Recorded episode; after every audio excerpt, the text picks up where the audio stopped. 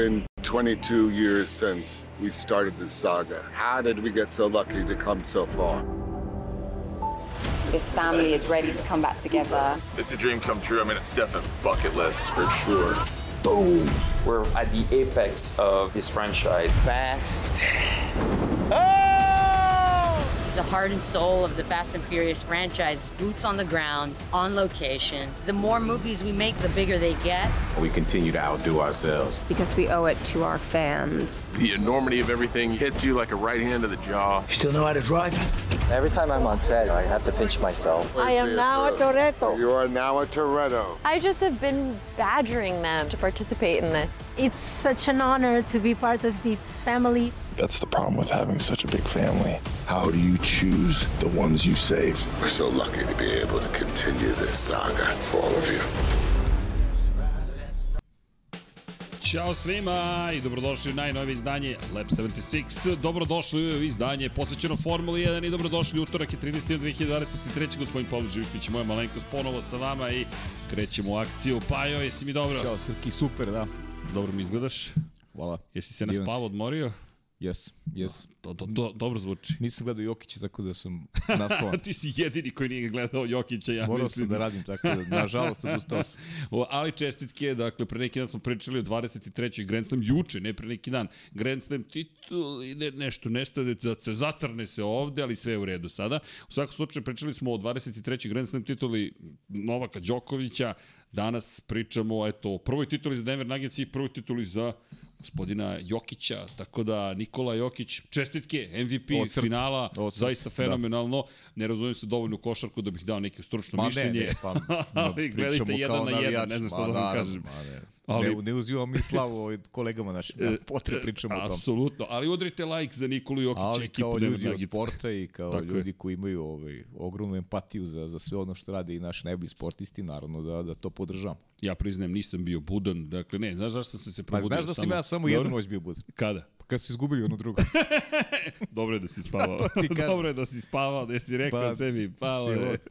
Od ovog filma nema ništa. bolji sam ovaj, bolji sam ovaj, kad spavam. Znaš da je Đokovićev meč nisam gledao od kada je izgubio polufinale Roland Garrosa. Evo, tu sam tajni košak, ili volim da finala. Ne, ne, ne, ima još i ranije, nisam mogao se Ali nervirati. isto, daš, pa da, Samo ali sam prestao. Rekao, ne mogu, znaš, čitam rezultate. ne razumeš se ništa, kao, znaš, gledaš i... Ne samo to, znači imam osjećaj kao da, znaš, jednom sedem da gledam, on izgubi, kao bolje da niko ne zna da sam to učio, isto ko ti, ti to je ta priča, ali znaš, ovde su imali, da, ovde su mogli da se izvuku iz cele Dobro, priče. ali ovo volimo, znam da ti voliš ovo, gledaš košak. Ne, ne, volim, volim, to volim, je, volim. Je. što se gleda od, od malih nogu. Bukvalno. To, to košaka mi u krvi. Ne, vidi moj burazir, sa, imamo grupu kolege se zovu Pozdrav za mog dragog prijatelja Aleksandra Vasića, koji me je pripremao za mašinski fakultet za upis. Nisam diplomirao mama, ali sam se upisao, bio, bio sam dobar. I čovek koji me, inače mi je učio kako da pređem Prince of, Prince of Persia. Prince of Persia ili ti Prince of Da. Persia u našem izdanju u s- Srbliglišu, kako bi ga zvali. I on me naučio sve trikove kako pređem svaki nivo, a onda me na kraju, još kada sam išao u Aleksinac 2003. godine, bio sam klasa septembar u mešovitu artiljerijsku brigadu u Aleksincu, on je bio tamo i onda me podučavao šta kad dođem prvo veče Pa u da. vojsku, šta se radi otprilike, tako da pozdrav za njega i slušaj sad ovo. Imamo grupu kolege u Whatsappu koje se jednom godišnje se javi. I sad burazir analiza utakmica, te ovako, Pa te da, onako, pa te ovako, te onako. Živela se odjednom grupa, spaja. košarka spaja. Mazi, mi kad smo odrastali, mi nismo znali šta je tenis. tenis. pa nismo. Trebao nam je sudski tumač. Mada, novo, novog mada. nas je naučio. E, ali moram ti priznam, moji drugari, oni su sada teniski instruktori, to je neka čudna igra sudbine, šta li je, oni su igrali tenis i onda ja sa njima usput igram tenis i, i morao sam da slušam na RTL-u sve moguće komentare na nemačkom da, da naučim i jezik, dakle mogu da razumem, s obzirom na činjenicu da su se tu gledale, jel te, gledali se mečevi, ali to je neko davno vreme da ne O, ulazim. nije loše malo. nije loše, nije loše Da se- malo se podsjetiti. Pa da, i da se podsjetimo i da, i da čestitamo velikanima na, Ej. na uspesima. Ma, zaista je uspeh Ovo je, na, ovo je onaj najavni podcast, tako da možemo malo da zađemo i neke druge teme. Odavno Neće nismo da zalutali, čekaj, Da. davno nismo zalutali kao da ne znamo da će 41. pobedu zabeležiti Max Da. Verstappen, ali pre nego što krenemo tamo, dragi ljudi, mazite se i pazite se i budite dobri jedni prema drugima i volite se i vozite računa jedni prema drugima. Kliknite like, naravno, čisto zato što ako nešto volite, lajkujete, jelte, like, sviđa mi se ovo što radite, a ukoliko vam se ne sviđa, pa udarite dislike, tako da je sve okay. mi smo tu, pa smo tu, mi volimo ovo što radimo i mi se lepo zabavljamo. Ko želi da nas podrži, subscribe, to, to je i prvi, prvi nivo podrške je like, pa onda subscribe, pa join, ukoliko želite da nas podržite i na taj način da ostanemo nezavisni. Kažem ti, Galeb mi je lepo to naučio. A činjenica je da Patreon i naši, hvala vam, patreon.com kroz Infinity Lighthouse. Inače, kako nam se zove Patreon koga smo nepravedno izostavili iz spiska? A, Alan, Alan Vuk. Alen Vuk, Alen Vuk, ponovit ću, juče nije bio na spisku. Alen Vuk, Alen Vuk, Alen Vuk, Alen Vuk, Alen Vuk. Jesmo nadoknadili za juče, ako nismo Alen, e, sad se, sad, ne, Almir Vuk. Almir Vuk, čekaj, Almir Vuk, sad smo vikali pogrešno ime. Čekaj, ne, ajde, ajde saznamo, ajde, ajde saznamo, da ne bude posle, čekajte ljudi, čitate mi pogrešno ime, ali mi se lepo zabavljamo i naravno da najavljamo veliku nagradu Kanade, ali da saznamo, mi sad ćemo mi to da, da otkrijemo. U svakom slučaju... Polako, vreme, ne žurimo nigde. Pa, jel žurimo? Ne.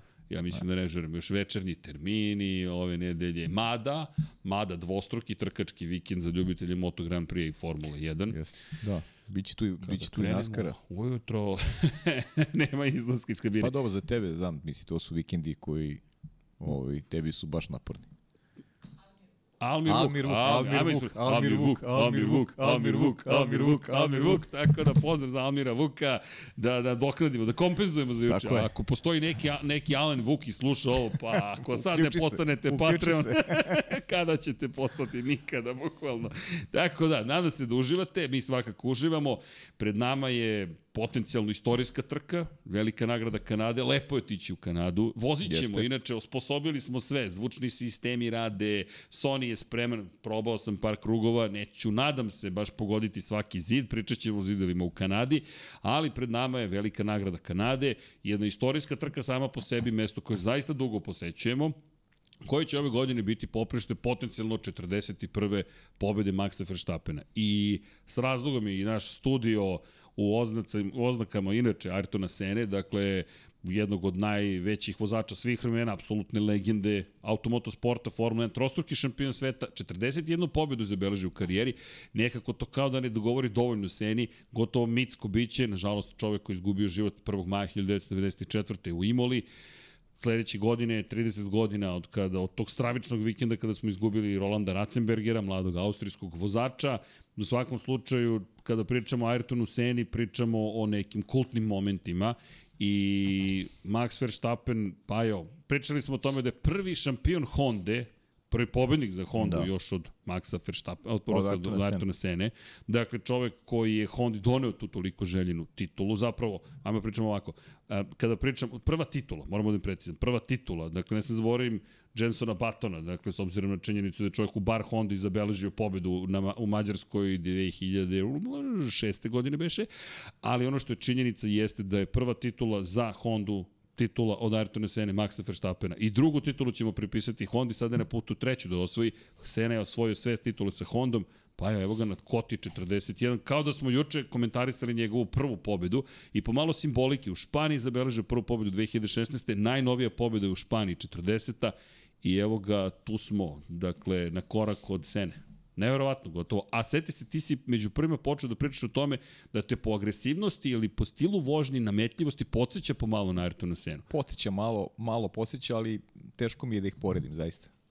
Ali pričat malo eto, o toj temi, o, o, o poređenju. Ljudi su skloni da, da ovaj, vol odmah da te daš, da svrstaju nekog kao najboljeg svih vremena i da da lupaju takve ovaj etikete nisam baš pristalica toga Nema to ćemo to ćemo da kroz emisiju ćemo da da malo analiziramo ovaj te sve detalje jer znam da ima ima dosta i pitanja ovaj vezanih za tu temu ali ovaj da se da se usredsredimo na na ova Maksova dostignuća. Stvarno je veliki šampion i on je neki ajde da kažem zaštitno lice ovog novog vremena kada govorimo o Formuli 1. On je taj naslednik ne samo Sene, već naslednik Alonsa, Luisa Hamiltona, ovo je njegovo vreme. I sad pitanje je samo dok će traje, kako će zvezde da mu se uh, poklope, koliko će ekipa da bude dobra, ono što je razlika, odnosno taj period Sene o kojem pričamo, mnogo veći utice vozača bio u tom periodu kada je vozio Arton Sena, danas uh, igra i mašina, veliku ulogu, tehnologija je napredovala, Dakle, da pitanje kako bi se Sena danas nalazio, kako bi to izgledalo iz Maxove percepcije nekada. Ono što je uh, Max Verstappen je savremenik najveći, kada pričamo o Formuli 1, neko kome pripada sadašnjost i neko ko je najbolje ovladao ovaj, od te, te mlađe garde, ajde da kažem i tehnologijom i, i dobio je pravo podršku od ekipe i ima brzinu, ima znanje, sazreo je kao ličnost. E, ako, ako mi dozvoliš, mislim da, da, da, da on, on ima najveće predispozicije, najveće šanse da poobara sve rekorde. On prosto ima to.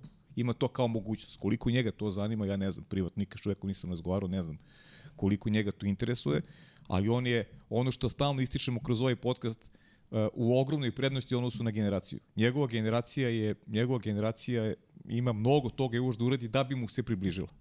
Oni ne znaju kako to izgleda pobediti Maxa Verstappena. Niko ne zna osim Ne znaju, oni to, osobe. oni to ne znaju. Ovo zna, zna samo Luis koji, koji je bliži penziji nego, nego, da, nego da će da vozi narednih, ne znam, pet godina. Pet, pet je super ako bude vozio još pet godina. To je fenomenalno.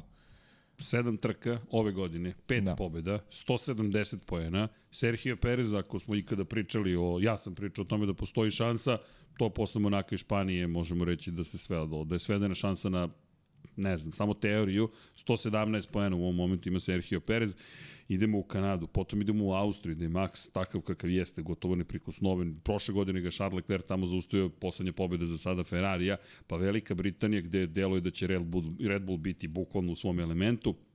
Mađarska eventualno da kažemo da će možda biti teže, mada kada se setimo Mađarske prošle godine kako je izdominirao sa, sa desete pozicije, pitanje, pa onda Belgija i Holandija. Belgija u kojoj se rodio, staza koja odgovara Red Bullu, pa Zandvort i onda idemo u Moncu gde Red Bull ako ne pobedi ne znam kako će gde će, Singapur gde je prošle godine slavio Sergio Perez, pa Japan gde opet odgovara Red Bullu, pa Katar, pa Amerika, Meksiko, Brazil, Las Vegas, eto to nam je jedina nepoznanica i Abu Dhabi. Ti kada pogledaš pista je baš nameštena. A o, ono što Max ima, ima ovaj, ono što negde krasi tu staru gardu, ima glad. Znaš, ima, I ta glad se vidi konstantno. On pomera sebi granice, on stalno ima, on stalno sebi dokazuje. On dokazuje sebi, ne dokazuje drugima, sebi dokazuje. To je, Ja mislim da to je nešto što je, to je nešto što je najbolje. Dokažeš sebi da možeš. To je recimo ovaj Monako ove godine. Kad ga niko ne vidi za favorit, on baš, to je onaj kontakt sa zidom. Uradit ću sve da, da imam pol Dva poziciju, jer puta znam. za pol poziciju, a u trci koliko god puta treba. Da. I Sve još ću da stvar, da pobedim. Znači, bez obzira što, znaš, opet drugačije vremena, recimo ono vreme, znaš, to mi danas nešto prošlo kroz glavu, ovi, da li bi ona trka u Imoli, ko, tragična trka, bila takva da, da, da je Sena imao 24 šanse, recimo, u, u sezoni.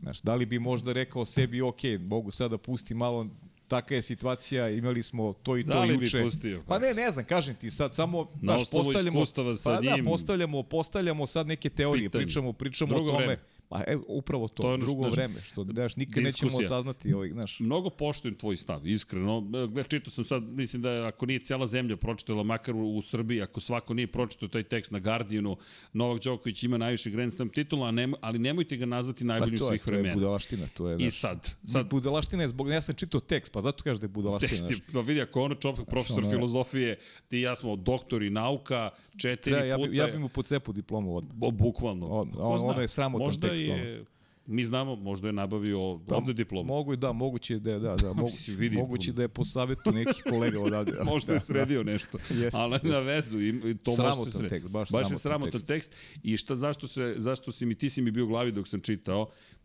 koji kažeš, iako je Sena za tebe neko koji je taj poseban moment posjedovao, ali kad uzmeš brojeve, 103 pobjede, 7 titula šampiona sveta, Lewis Hamilton, i ono što si rekao, ako postoje neki brojevi, čemu nam Brojke služe su- ti brojevi? Tako je, brojke su pokazatelji. Dakle- ja mogu da ne volim Luisa, ali to su brojke. Znaš, on, on je te brojke zaslužio, on je te brojke napravio. Samo da to, napomenem, nije da ga Paja ne voli. Pa ne, kažem, mogu da ga To ne moram volim. ja da ka, pa napomenem. ne, naravno, ali ja kažem, mogu da ga ne volim. To važi za sve koji ga, koji ga možda i stvarno ne vole, znaš. Ali- Ali, ja ga mnogo poštujem, mnogo, baš. I to, on je, nije tu gde jeste slučajno.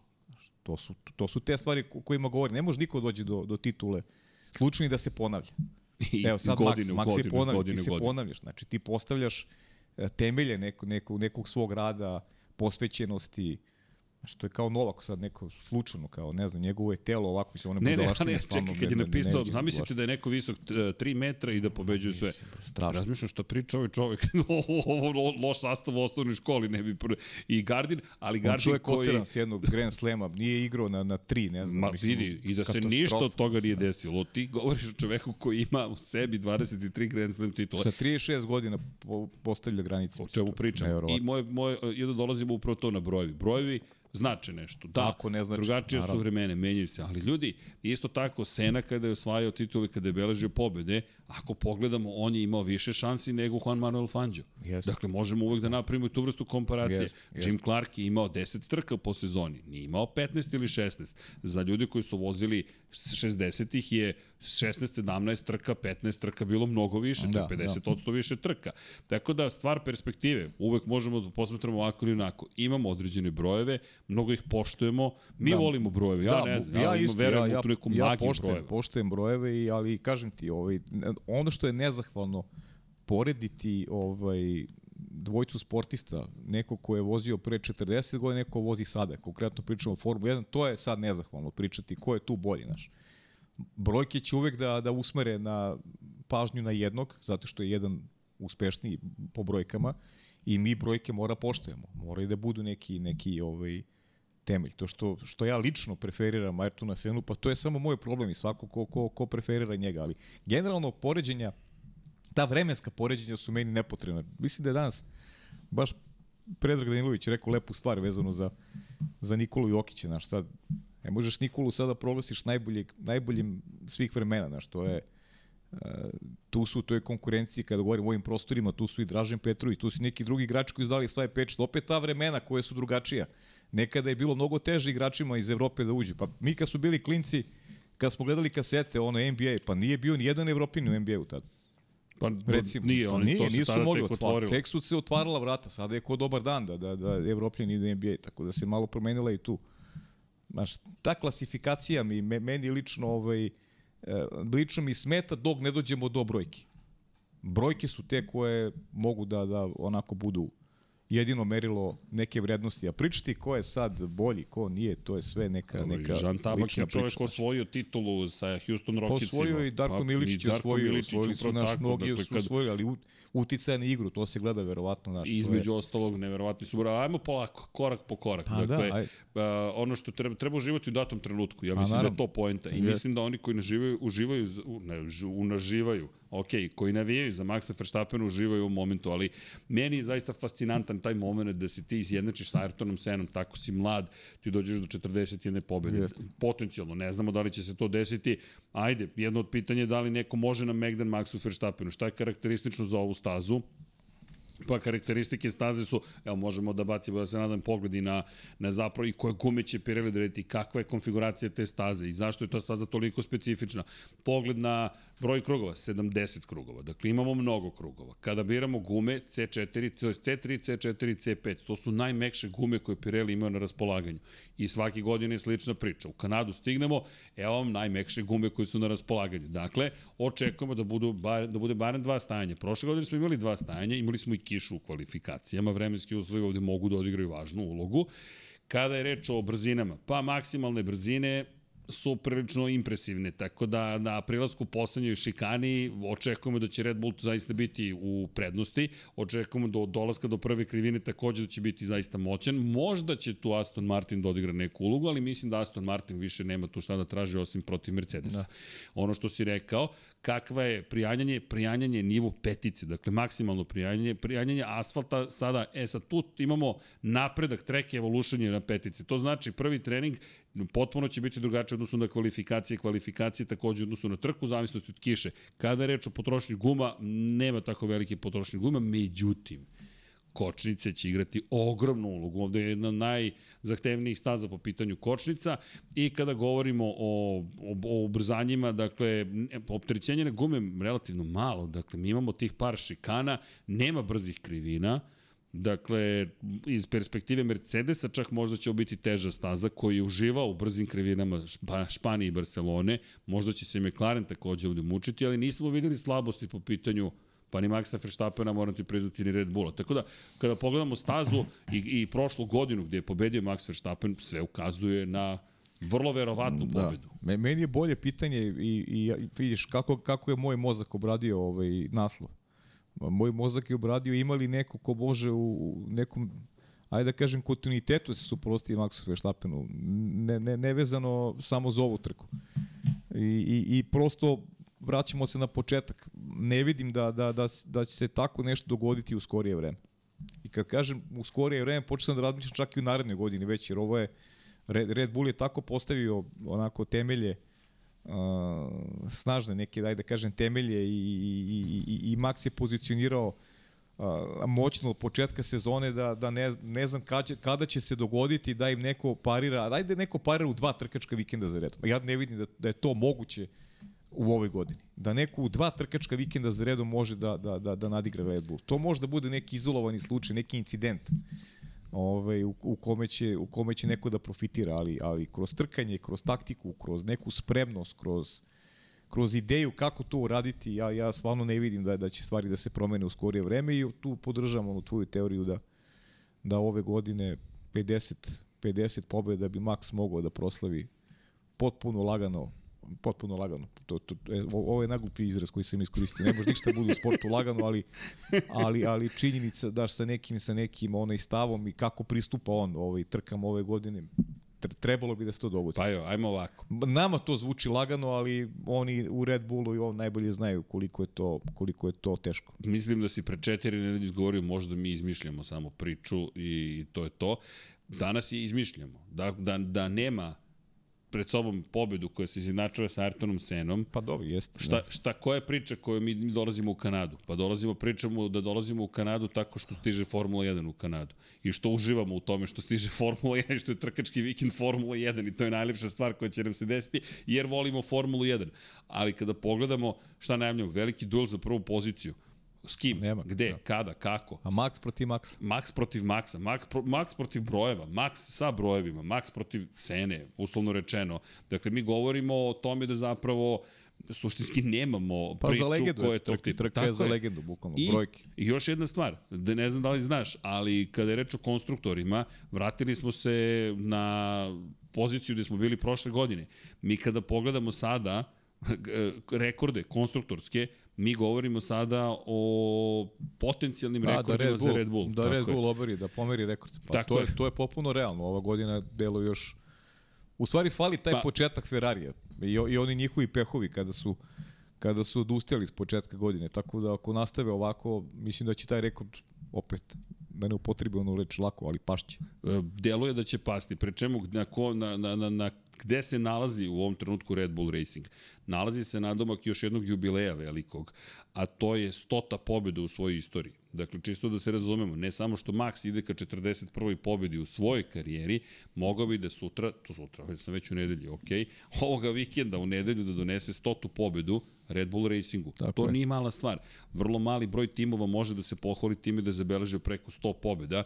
U istoriji Ferrari ima 242, McLaren 183, Mercedes 125 i Williams 114. Dakle, mi kroz istoriju Formula 1 smo imali do sada samo četiri konstruktora koji su zabeležili preko 100 pobjeda, da Red Bull dođe sada do stote pobjede posle svih problema koji su postojali u eri u kojoj je dominirao Mercedes, delo je delo je ipak vrlo impresivno. Pa da, ali to je to je kratak vremenski period. Jeste. Nije to znaš, ne znam, ne znam koje vreme. To je. Od 2007. godine praktično. 2000, da. ne, pete su se pojavili kao Red Bull Racing. Dakle, mi govorimo o... Nema ni 20 nema godina. 20 godina kako su oni došli do toga A da se zapravo... šta si rekao, koliko pobjeda imaju? Po 99.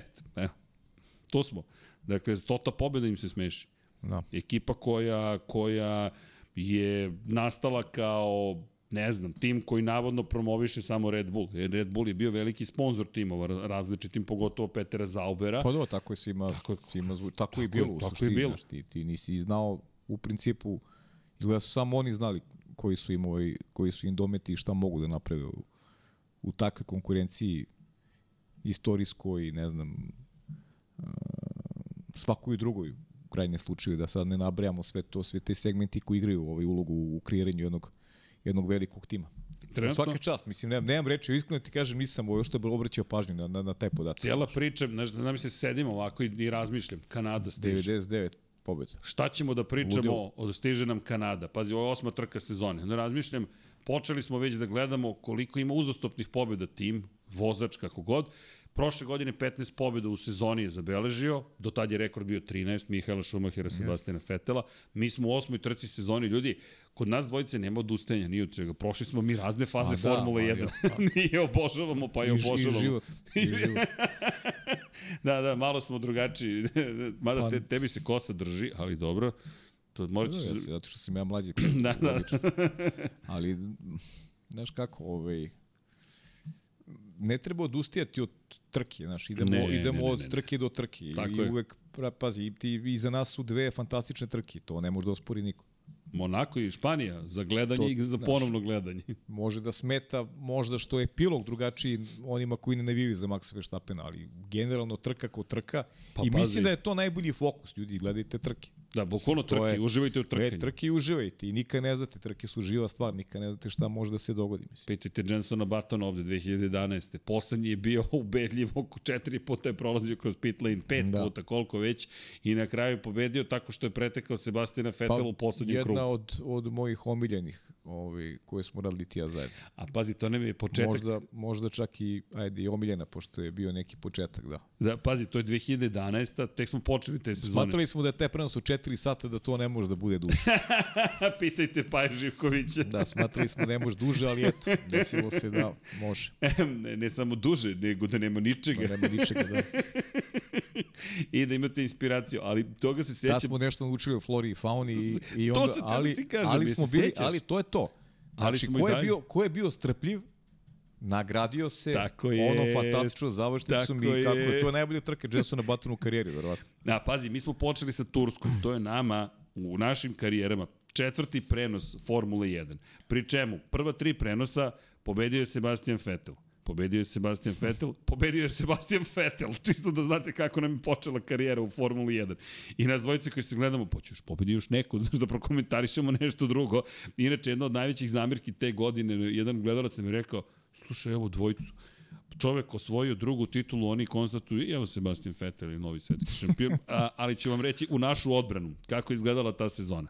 Pobjeda Sebastijana Fetela, pobjeda Sebastijana Fetela, drugo mesto Sebastijana Fetela, pobjeda Sebastijana Fetela, pobjeda Sebastijana Fetela, pobjeda Sebastijana Fetela, drugo mesto Sebastijana Fetela, pobjeda Sebastijana Fetela, drugo mesto Sebastijana Fetela, u Nemačkoj četvrti, Dru, drugo Ti, mesto, Sebastijana Njemu Fetela. ne bi dao titulu za to. Razumeš? I tu je pobedio Hamilton te sezone, dakle jedna pobjeda. Zatim, I ove godine će pobedi Hamilton. u... Negde. Negde. To, to, to da, 100%.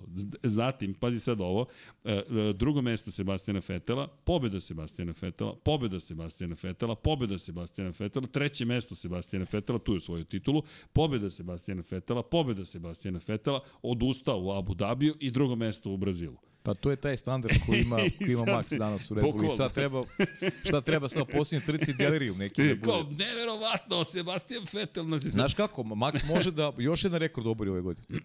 da možda u najranijoj fazi obezbedi šampionsku titulu. A, pazi, to, to, to, to isto... Nije nebo, jedino, jedino, Moguće, ček, jedino da. čeko možda mu pokvari te planove. Pazi, te godine Vettel, evo, Ako, baš isko, ako bude koristio potencijal bolida koji ima, Pa evo, namerno ističem, ako bude koristio potencijal bolida koji da, ako bude koristio potencijal bolida. Da. Vidi, Mark Webber je te godine u tom istom Red Bullu bio treći u šampionatu. Čuvena pobjeda u Brazilu, gde su mnogi smatraju da su mu dali pobedu za, za tu Evo i sezonu. tebi jedna. Evo i tebi jedna. To ne kažemo mi, to, je, Ne, ne, to, to je trač koji se naravno. spominje, ali činjenica je da ima jednu pobedu te sezone Sebastian Vettel kada pogledate. E da, za one koji su pr prošle godine Red Bull Show Run jel te gledali, taj bolid ste između ostalog mogli da vidite na ulici koje je te godine doveo Sebastiana Fetela do, Do titule, da. te titule broj 2. Tako da eto, tu, ko, je, ko je bio sa nama prošle godine na ulicama Beograda, još veći pozdrav i da, izvinjenje, nismo iskoristili vaše fotografije i videe, ja ću vas ponovo zamoliti, sve koji ste bili, ja se zaista izvinjavam, zakasnili smo sa preuzimanjem vi transfera, fotografije i tako dalje.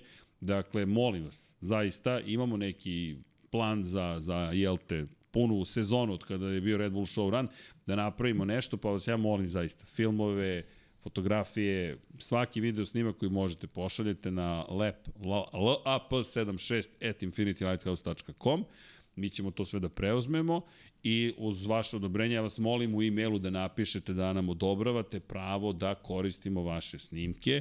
Mi ćemo vas potpisati, ali imamo neku ideju šta bismo mogli da uradimo, pa eto, držimo palčeve da ćete nam pomoći da to i ostvarimo. Jer evo, deo istorije, zamisli da nam je neko rekao, e pa taj bolid u Kanadi što je poražen, taj ćete te da komentarišete po kiši u Beogradu, da. jer kiša je zaštitni znak.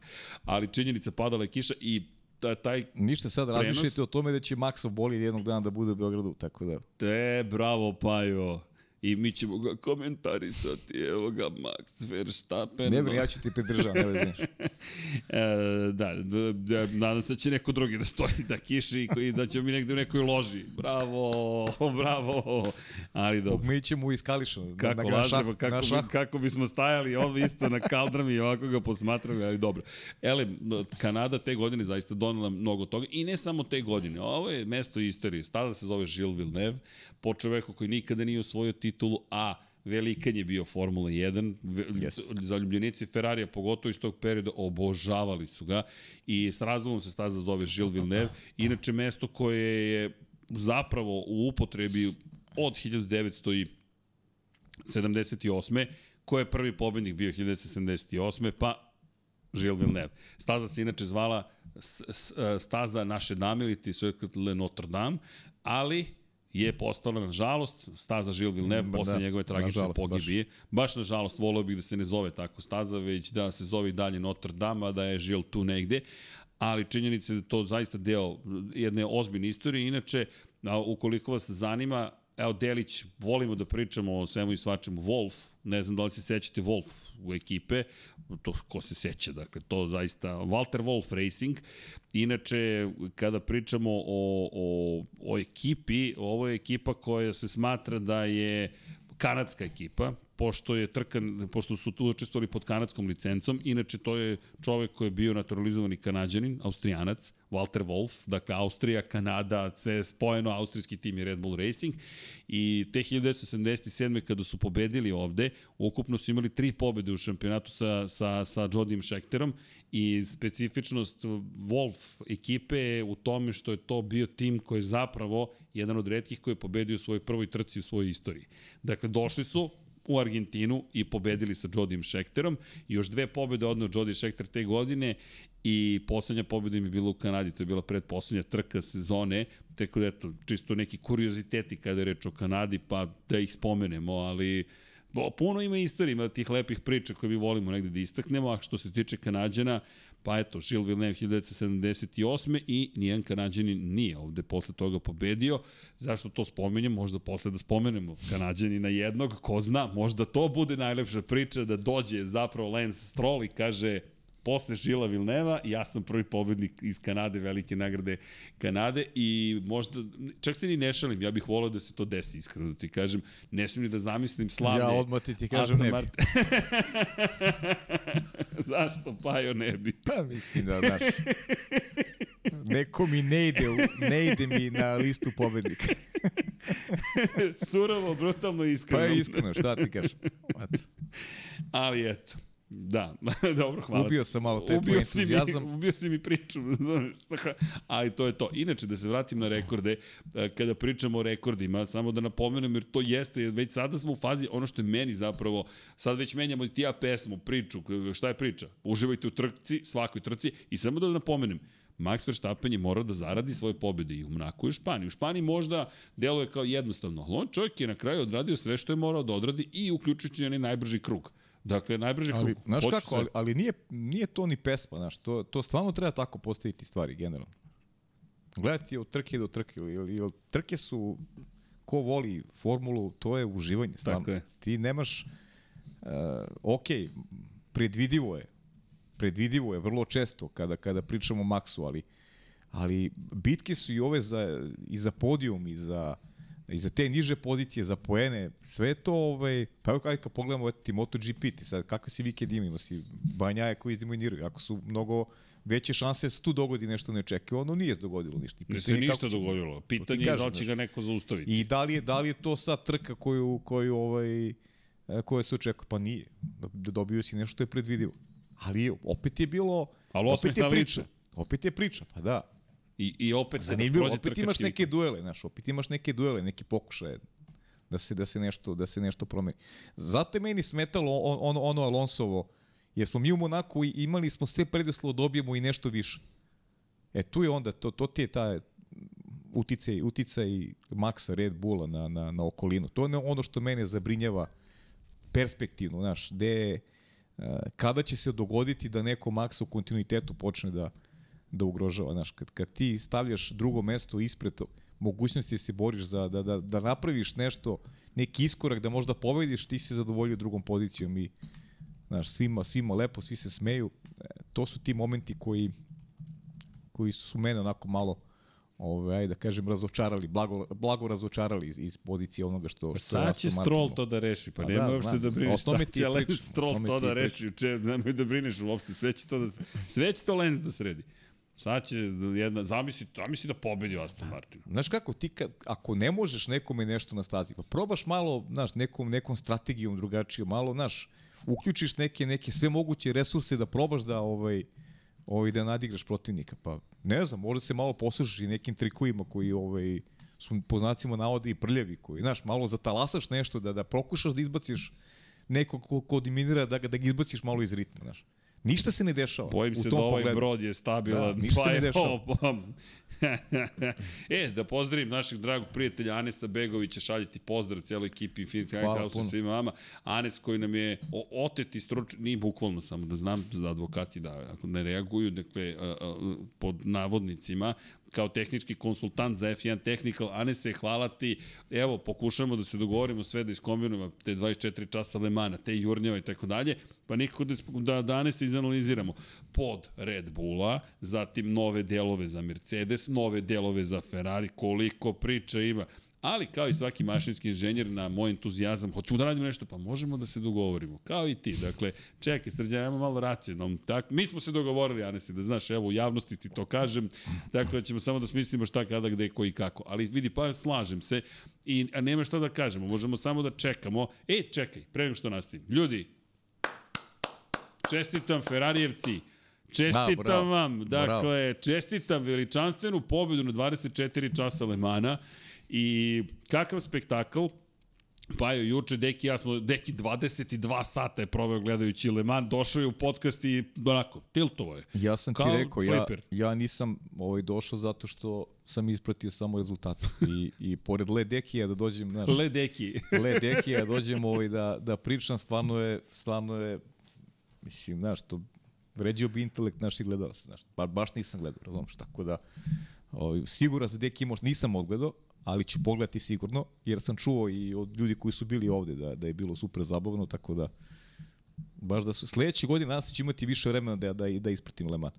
Pa rekao sam ti, ja sam saznao tek naknadno da je Giovinazzi vozio, koliko nisam bio u toku uopšte. Ne, vidi, baš Baš nisam ti si bio. sad, da, da, da. Ma nešto sam neki, nekim sam, da. Drugim da, poslovima. Tako, potpuno drugim i, ovaj, i prosto, prosto nisam, ovaj, nisam stigao lepo da ispratim i baš mi je žao zbog toga, ali čestitka naravno svim fanovima Ferrarija, velika stvar.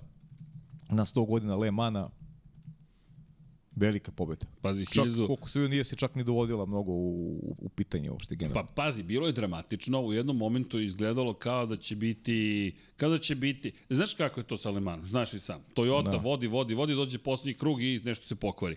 I ja mislim da su svi Ferrarijevi zapravo obožavaoci u trenutku kada, kada, je, kada je došla ta drama, kada je došao taj moment, ej, kao, čekaj, stad, ide poslednja eh, promena, ne može se upali Ferrari, pa ne može se upali, ne, da, mislim, bukvalno, sam to, da. To, ne- to, sam, mislim, I onda kreću poruke, samo polako, bit će sve u redu, ajmo jedno po jedno, hajde uradi ovo, hajde uradi ono, sve će to da dođe na svoje i zaista Le Mans može da bude surov, ali eto, cijela priča za one koji nisu gledali 24 časa Le Mana je zapravo u sledećem, da je Ferrari na 100 godišnicu prve trke 1923. održana prva trka u Le Manu, došao posle 50 godina pauze kao fabrički tim u najjaču kategoriju. Učestvovao je Ferrari u nižim kategorijama, ali uglavnom danas hiperautomobili nije učestvovao i pojavljuje se posada James Calado, Antonio Giovinazzi, Alessandro Perquidi. James Calado, koga smo gledali, u, Koga ti smo ja smo gledali, gledali u da. nižim serijama, imali su prilike da, da komentarišemo njegove trke Formuli 3. Tako je, tako je. Da, Calado se baš dobro sećam. I pazi sad, Britanac u Ferrariju, Pa, klasika. Enzo bi bio srećan iz te perspektive, još dva Italijana u celoj priči, da. Antonio Giovinazzi kao nekadašnji vozač Formule 1, sada rezervni vozač u celoj priči, i ti gledaš Antonije kao Antonio, čekaj, Antonio, bravo, fenomenalno, i još dodaš na sve to da je pola veka od te posljednje pobjede i sad jubilej se slavi, svi žele da gledaju. LeBron James maše zastavom za početak trke, Tom Brady, inače, ja moram da, moram da pošaljem fotke, e, poslom je Hasan, Tom Brady koji ima svoju robnu marku, jedan modni brand, u čekajte, imamo mi modni brand, Lab 76, Naravno. ko želi da izgleda što bolje može. Ko želi da izgleda bolje od Brady-a, nek, javi, nek nam se javi. je. Dakle, duksevi, majice, molim vas, 2100 dinara, još uvek. A recite mi ko nije poskupeo za tri godine od kada postoji, postoje majice. Što, što ne znači da nećemo. Flavio, ti li si? Šalim se, naravno, šalim se. Ali vidi, kao United Colors za Benetton. Ne znam da će nam Deki biti srećan ovim kadrom, ali nema veze. Za svakoga ima sve. Ko kupi roze majicu, to ide u dobrotvorne svrhe, borba protiv raka dojke. Ali činjenica je da, eto, možete da izgledate bolje od Brady-a. No, čovjek je bio tamo, Tom Brady, probao, kaže Deki, celu, celu, celu trku i potom je otišao u Pariz da sedi Da u gleda loži Novaka da. Đokovića. Tako je. Dakle, veliki broj zvezda iz sveta sporta je bio prisutan i onda dolazi Ferrari sa svojim F499P i kaže, čekaj, mi imamo šansu, osvoji pol poziciju, prvo, drugo mesto i Deki koji u petak kaže, Srki, osvajali su oni pol pozicije, polako. Do, Deki, Deki je oprezan čovjek i A ja sam hteo da se zaletim, idemo do kraja Ti si Ferrari, rekao odmah. Ferrari, da. Ne, nisam, nisam. Ja sam rekao Cadillac i bili su treći. Prvi put u istoriji na pobjedničkom postolju Cadillac. Moram te reći, sam zadovoljan zato što mi je delovalo da Cadillac ipak može više nego što se očekuje. Ferrari pobedio, druga bila možda Toyota. sledeće godine bude Cadillac uspešniji, da to je priprema. Priprema i onda se setimo Andretija i cele priče Da, i da, tako da. dalje i onda vidiš 24 Dobro, časa očekivao, spoj. dobro, Toyota je već, koliko je prethodni? Pet godina za redom. Pa da, pa da. Ne, ne, Toyota pet godina za redom Pa pobeđivala. zato je uspeh Ferrarija tim veći, znaš, kad se pojaviš posle toliko vremena i, i, ovaj, i izdominiraš ovaj, Pratio sam malo, znaš, pogledao sam malo postave koje su bile, pa Ja baš, je znam. bilo, baš je bilo sjajnih. I Jimmy Johnson, A to, to je tek posebna da. priča. Pri čemu, kao da je odrasla osoba ušla na teren, tako izgleda pored onih malih automobila, prototipa, sa onim Camarom Z1 koji tutnji, pri čemu, ono što je bilo super, pogledajte, juče smo deki radili ceo podcast posvećen tome, ovo su samo kratke pričice i sičci. Da. Garaža 56, inače naziv za garažu, još nisu čuli za garažu 76, to će biti naše mesto na Lemanu, ali to deki kao iskusni vozač endurance trka, dakle trka izdržljivosti, 4 časa, jel te grobnika, pozdrav za miksu Tokija i Dekija kao posadu, ja nažalost nisam nastupio, nisam hteo da kvarim posadu, ali... da kvariš užitak. Tako je, tako je, ali činjenica je da je garaža 56 zapravo uvijek odvojena za neki koncept koji odstupa od svih ostalih pravila. Ove godine su pozvali NASCAR posadu, koji je bio Jimmy Johnson, sedmostruki šampion NASCAR-a, svetski šampion Formula 1 Jenson Button, koga smo spomenuli kao pobednik u Hondi 2006. u Mađarskoj, proverio sam, bio sam u pravu, dobro pamtim još uvijek, i imali smo Majka Rockenfellera, čoveka koji je pobeđivao na 24 časa Le Mans. I oni su ušli u taj prljavi, atmosferski automobil, motor, to jest automobil sa, sa atmosferskim motorom od 5,6 litara V8 koji puca na sve strane i oni koji su hteli da spavaju u kampu pored Lemana, kažu jedino na svaka 4 minuta nas je neko budio. Ko? Kamaro, kad se stušti niz pravac. I dođe zaista izgledao kao da je neko uh, u zapravo na, u igre autića dovezao odrasli automobil i rekao je ček da vam pokažem šta mi možemo.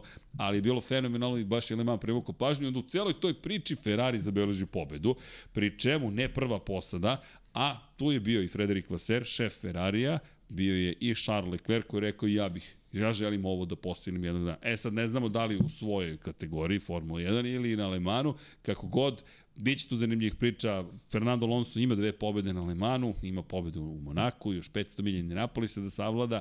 S druge strane, Juan Pablo Montoya 500 milija Indianapolisa savladao Monako, ostaje 24 časa Le Manu. Imali smo lude, lude, lude juče ideje.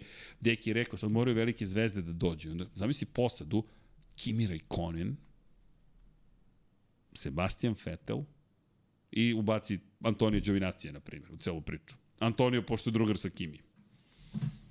Da, ba, mislim, nije nemoguće. Nije Zamisli Kimi, ja, kako što vozi. se pojavljuje u Naskaru, što se ne bi pojavio u Le Manu, znaš, to je dobro, naravno, zahteva ozbiljnu pripremu. pripremu i Le Mans svako, ali dobro, vidjet ćemo kako oni razmišljaju. Dobro, Samo, malo. časkamo. Ne, časkamo. ne, o, pa naravno i rekao sam ti, o, danas možemo i časkamo o svemu, jer trku možda najemo za 10 minuta, bukvalno. Pa, pa mislim da smo je najavili. Pa jest, pa bukvalno. Da. Pa, samo ćemo proći malo kroz istoriju i kroz činjenicu da, eto, ajmo ovako, par stvari.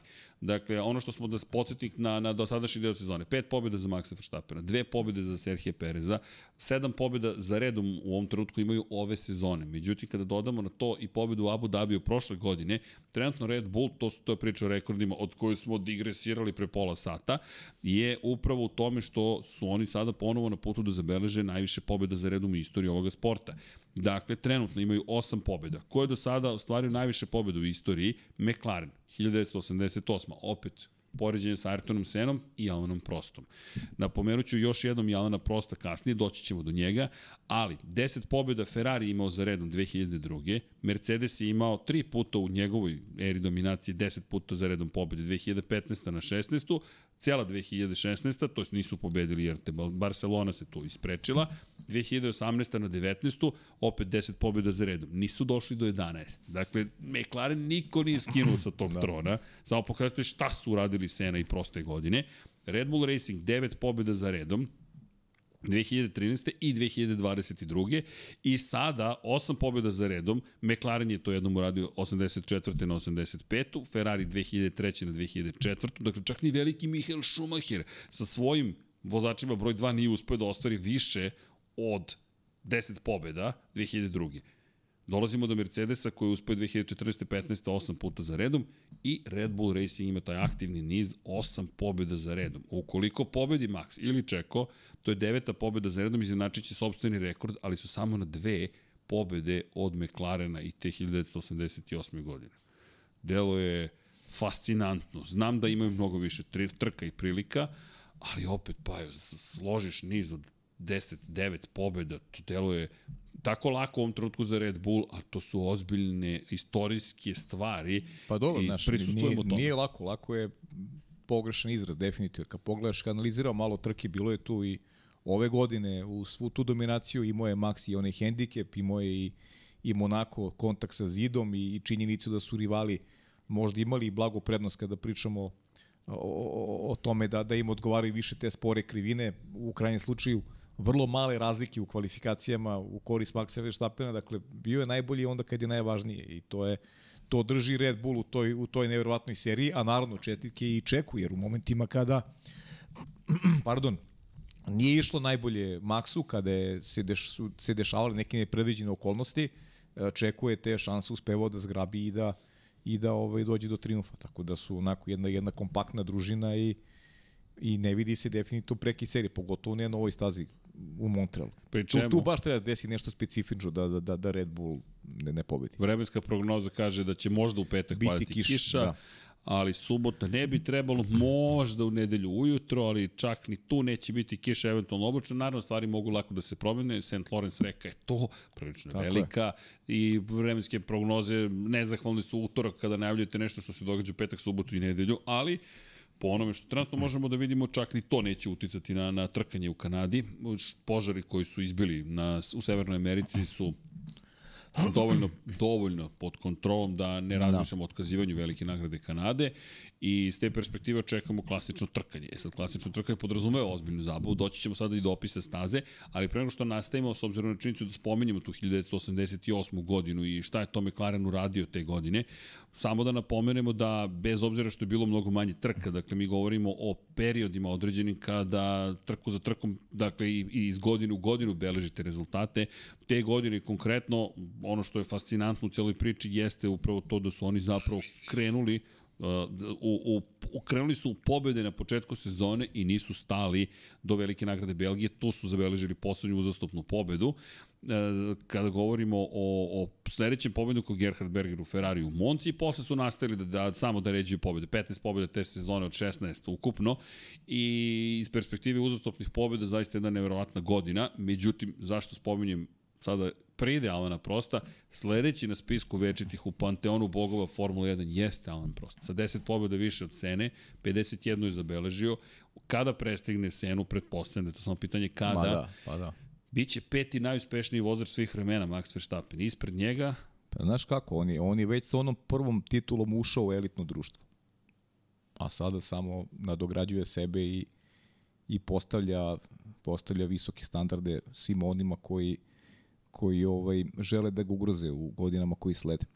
I to je meni najveća priča, definitivno mi najveća priča kada govorimo o Maxu i budućnosti, jer, jer ne možemo budućnost da stavimo ni Alonso ni Hamiltona. Maxa možemo, zavisi od njegove da kažem i volje i, pa. i toga koliko će želiti, koliko će njegovo telo biti spremno da se odriče i da i da se posvećuje ovaj da se posvećuje vrhunskom sportu.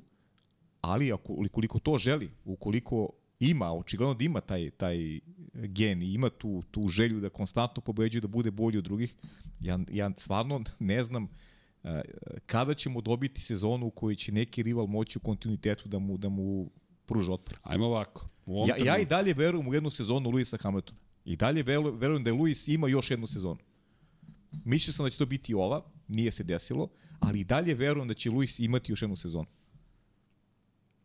Jer, jer njega vidim kao čovek, jedino njega vidim kao osobu koja može da, da, da prekine ovaj, ovo što se sada dešava, da prekine ovaj nalet, ovaj, ovaj niz koji traje, Red Bull, uh, Max Verstappen. Ne vidim, ne vidim drugu osobu. Ajmo ovako. 103 pobjede Lewis Hamilton. Ovo je priča koja se ponavlja, jer moramo da je ponovimo. To je najuspešniji vozač svih vremena po broju pobjeda. Ima isti broj titula kao i Michael Schumacher po tom pitanju izjednačen, Jeste. na vrhu su njih dvojica. Sedam svaki. 91 pobjeda za Michaela Schumachera. Dakle, na spisku broj 2 Michael Schumacher. Treći Sebastian Vettel sa 53, četvrti Alan Prost sa 51 i dolazi Ayrton Senna sa 41 pobjedom uskoro će se izjednačiti sa njime. Dakle, izjednačit će se sa njime i preteći ga, bit će peti. Zatim, 51. pobjeda. Vrlo verovatno, pretpostavljamo, pa potom Vettel relativno brzo, e onda dolazi redak vazduh, stratosfera. To onda juriš Schumachera i, i, i, i Luisa Hamiltona, zašto pričamo tako i o Hamiltonu i Schumacheru. Ljudi, 103 pobjede, pa taman da su vam dali raketni pogon, možete da ostvarite 103 pobjede. Besmisleno što je čovjek učinio. Apropo, pitao bih gospodina iz Guardiana, da li smatrate da Lewis Hamilton nije najbolji onda svih vremena, jer možemo da kažemo da je Sena, na primjer, opčinio veći broj ljudi. A možda i nije, ne znamo kako ćemo to izmeriti. E, nonsens. Ali da se vratim na, na, na, na aktivne vozače. Od aktivnih vozača, Hamilton 103 pobjede, Max Verstappen 40, Fernando Alonso 32,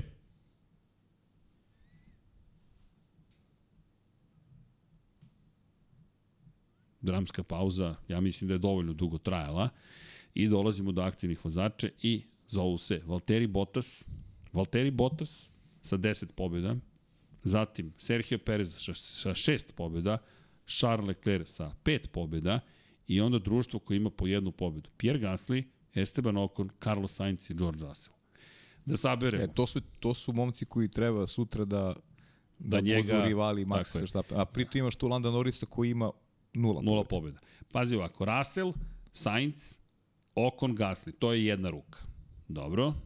Dodamo Šarla, to smo na 9. Jeste. Dodamo Serhija, idemo košarkaški, neću moći. Dodamo Serhija, on ima 6 pobjeda. Pa, dođemo na 15, evo 15 pobjeda.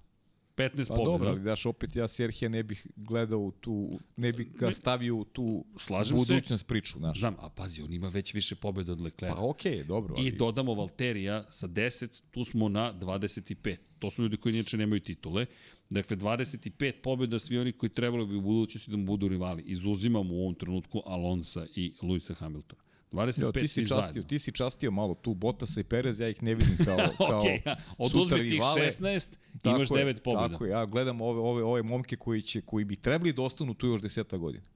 I da probaju da zauzmu neko, neko, neko svoje mesto u, u nekim istorijskim knjigama, znaš. To jest da pokušaju da pokušaju da zaustave da zaustave uh, momka koji, koji ovaj, osvoja titule, obara rekordi i deluje tako impresivno na stazi. Jer mislim da ni jedan vozač od svih tih velikana koji si nabreo nije bio u situaciji da ima takav generacijski jaz. Jer svaka epoha imala je neko, neko rivalstvo.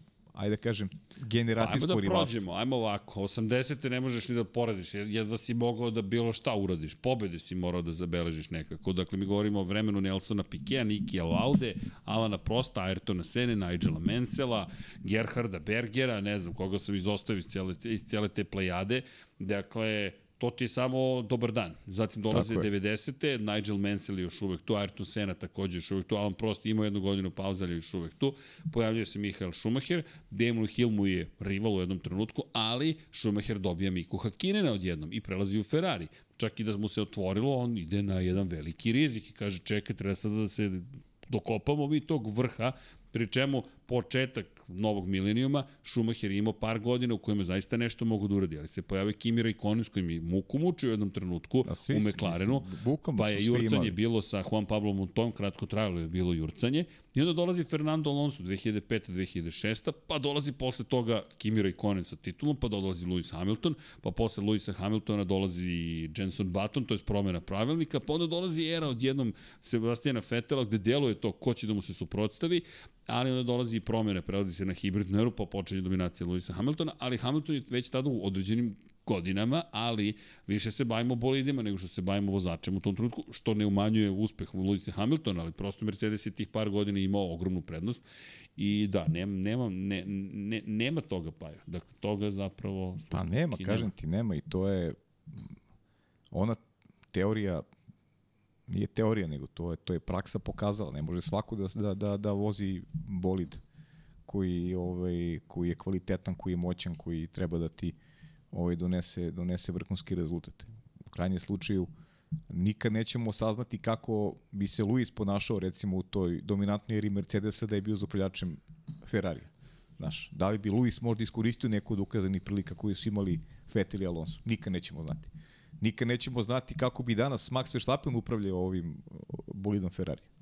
Da li bi on ovaj, uspeo da, da nekako ujedini ekipu, da, da, da je ovaj, usmeri uh, tamo gde treba kako bi, kako bi Ferrari bio ovaj, konkurentniji, kako bi bio konstantniji. Ne znam, nikad nećemo saznati. Ali- Ali zato su to šampioni i zato potenciram, znam vrlo često, da ovaj, ovi momci, ova, ova, ajde da kažem, negde generacija Maksova, a ima tu i starijih od njega, ovaj, su jako teškoj poziciji da sutra ovaj, sebe nameste tako da, da, da, da izvrše pritisak i da u sezoni koja broji 23 i 4 možda ćemo imati više trka, da ga stavljaju pod takav pritisak konstantno da, da on ovaj, da on na kraju ne prođe prvi kroz cilj. E, kad pričamo o Seni, kada pričamo o velikanima, Lewis Hamilton, inače ne znam da li znate, i je trenutno u fazi kada se priprema dokumentarac koji je pod produkcijom Apple-a i trebalo bi da se poje, da, da zapravo je, ne znam tačno kada će se pojaviti, ja mislim sledeće godine,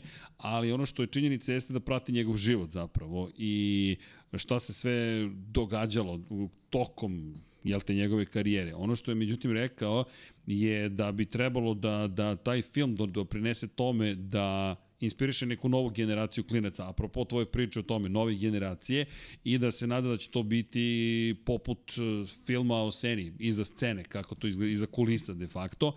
E, inače, to je projekat koji je prošle, go- to je, to jest, e, da, prošle godine je saopšteno da će se raditi na njemu i ono što je zanimljivo jeste zapravo što otkriva i delove njegovog privatnog života, ne samo u okviru Formule 1 i uz te snimke, arhivske snimke koje posjeduju, uz intervjue sa, sad ne znamo tačno ko će sve učestvovati u intervjue, trebalo bi da dobijemo jedan vrlo zanimljiv film. Zašto spomenjamo u ovom kontekstu? Baš zbog toga. Dakle, mi sada govorimo o, o, o tome da kada pogledaš scenu, kada su počeli da prate tamo početkom 90-ih i da snimaju zapravo i iza scena šta se događa, e, mi imamo film koji je zapravo bio negde u svet, to je nešto oko, da, da kažem, otvor u svet Ayrtona Sene. U periodu kada kamere nisu bile svugde, nisu sada kao danas, na svakom mestu svako ima kameru i Lewis Hamilton se nada da će to pomoći. Ono što meni sad pada na pamet je kada će početi da prate zapravo Maxa Verstappena u celoj priči, da kažu, ej čekaj, još je rano za to, Pa rano, ali rano. Lewis Hamilton, eto, kao Pa neko znam, ko može da verujem inspiriše. da već postoji neki dokument koji je, će koristiti nekome ko dođe na ideju jednog dana da, da napravi film, ali on je mlad čovek i, i te ga čekaju te sportske godine, možda i najbolje sportske godine. Mi pričamo o njegovoj zrelosti, ali on ima još prostora da napreduje u svakom pogledu i kao sportista i kao osoba, stvarno su, taj, taj, taj potencijal koji, koji on raspolaže je, je nešto što ga onako čini čini čovekom koji i, i nek, iz mog pogleda može da poobara sve te rekorde ovaj, o, kojima, o kojima danas govorim. I to, to mi čak deluje kao misija koja je dostižna, koja je moguća.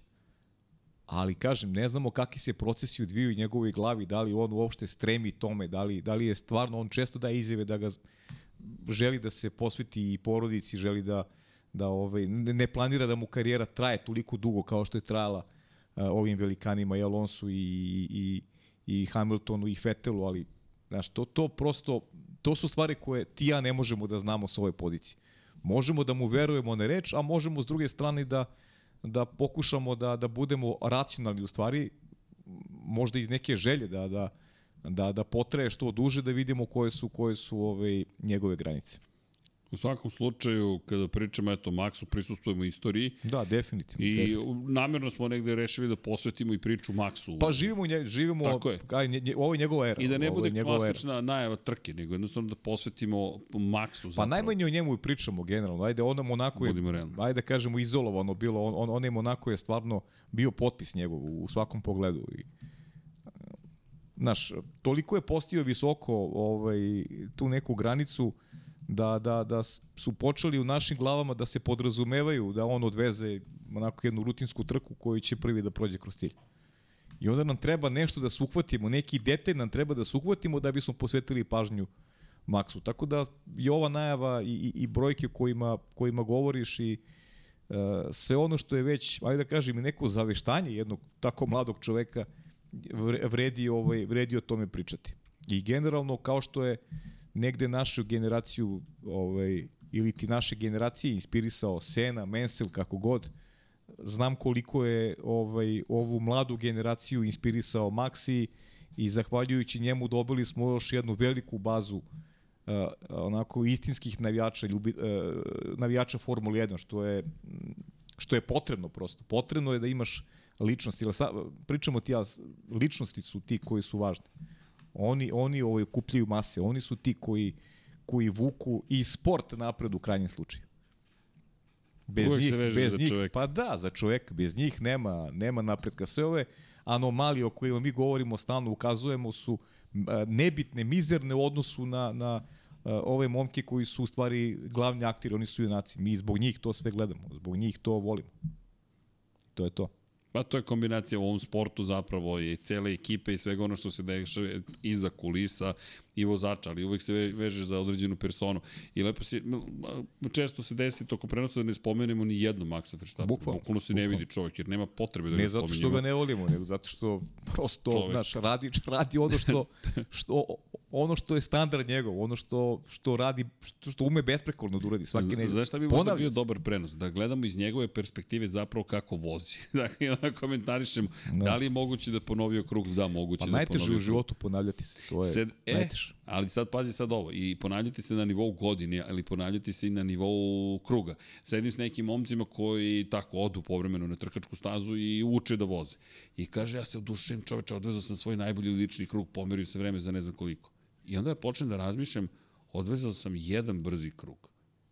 I gledam Formulu 1 i kao, pa vi, kao, šta ima, boli, vi kako to lako, tap, tap, tap. I onda počnem da razmišljam, ja sam odvezao jedan samo i onda sam sporiji za, ne znam, sekundu, sekundu i po. Onda odvezem ponovo jedan dobar i srećan sam kao malo dete.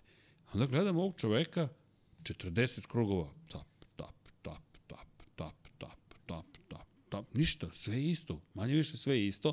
I to je, na primjer, apropo Banjaje, sad i trke Moto Grand Prix-a. Ima tih dana kada, žao mi što nisu izbacili celu analizu njegovih krugova na kraju trke, kada se diviš upravo toj preciznosti. Kada možeš da uživaš, u Formula 1 to ređe rade, pošto su mnogo velike razlike posle promene guma između krugova. I zato, na primjer, ono što je Aleksa Vuče uradio, na primjer, kada analiziramo trke, kada pogledamo taj spektakl, koliko su određeni krugovi izjednačeni, i to onda gledaš i kažeš, pa da, ovo je master klasa zapravo, ovo, ovo što trenutno čemu prisustujemo. I onda sad dolazimo Kanadu i gledamo rekord, spaja se sa Senom, Sena, Dakle, kada pričamo o Seni, možemo da pričamo o nekim zaista prelepim trenucima, ali pogledaj opaja. Ajde, daj mi tvoj komentar, molim te. Lepota. Pogledaj ovo. Dakle, Lepota.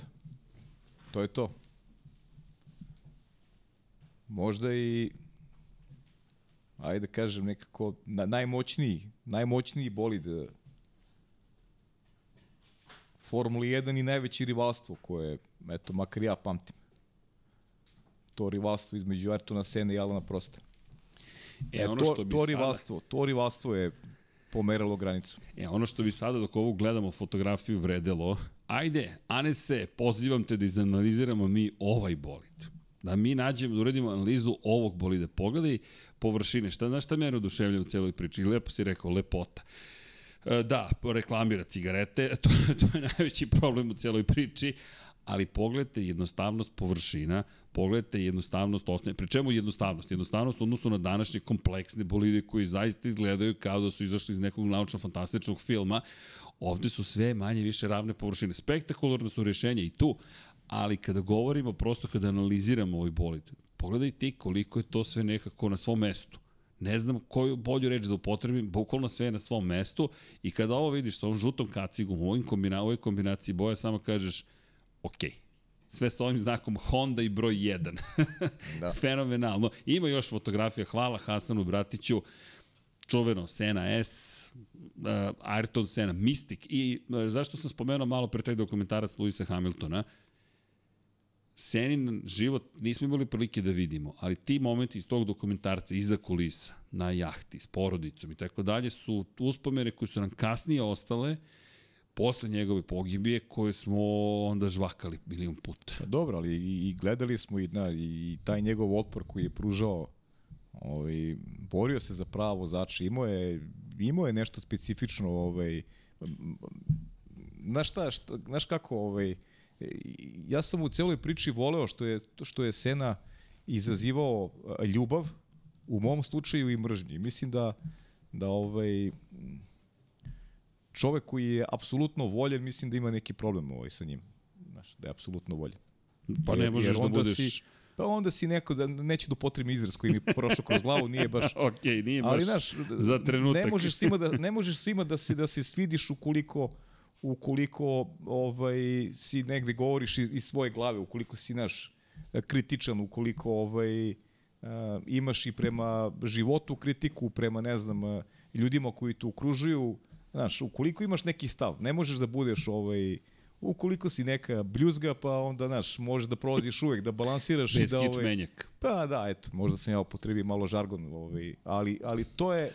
Vidi, sve znaš, jedno je, razumemo se. Potpuno se razumemo. Tako da, Sena je, Sena je tu izazivao pažnju jer je bio onako krajnje otvoren i često onako i drčan i pa i kontroverzan samim tim. Kontroverzan samim okay. tim, tako da... Ima, ima još, još nekih prelepih fotografija, ali ona fotografija, ona sa brojem 1. Ne znači uvijek bio u pravu, naravno, ali ne, ne, držao ne, do ima sebe. je svoj stav, je, određeni, to je to. Je to.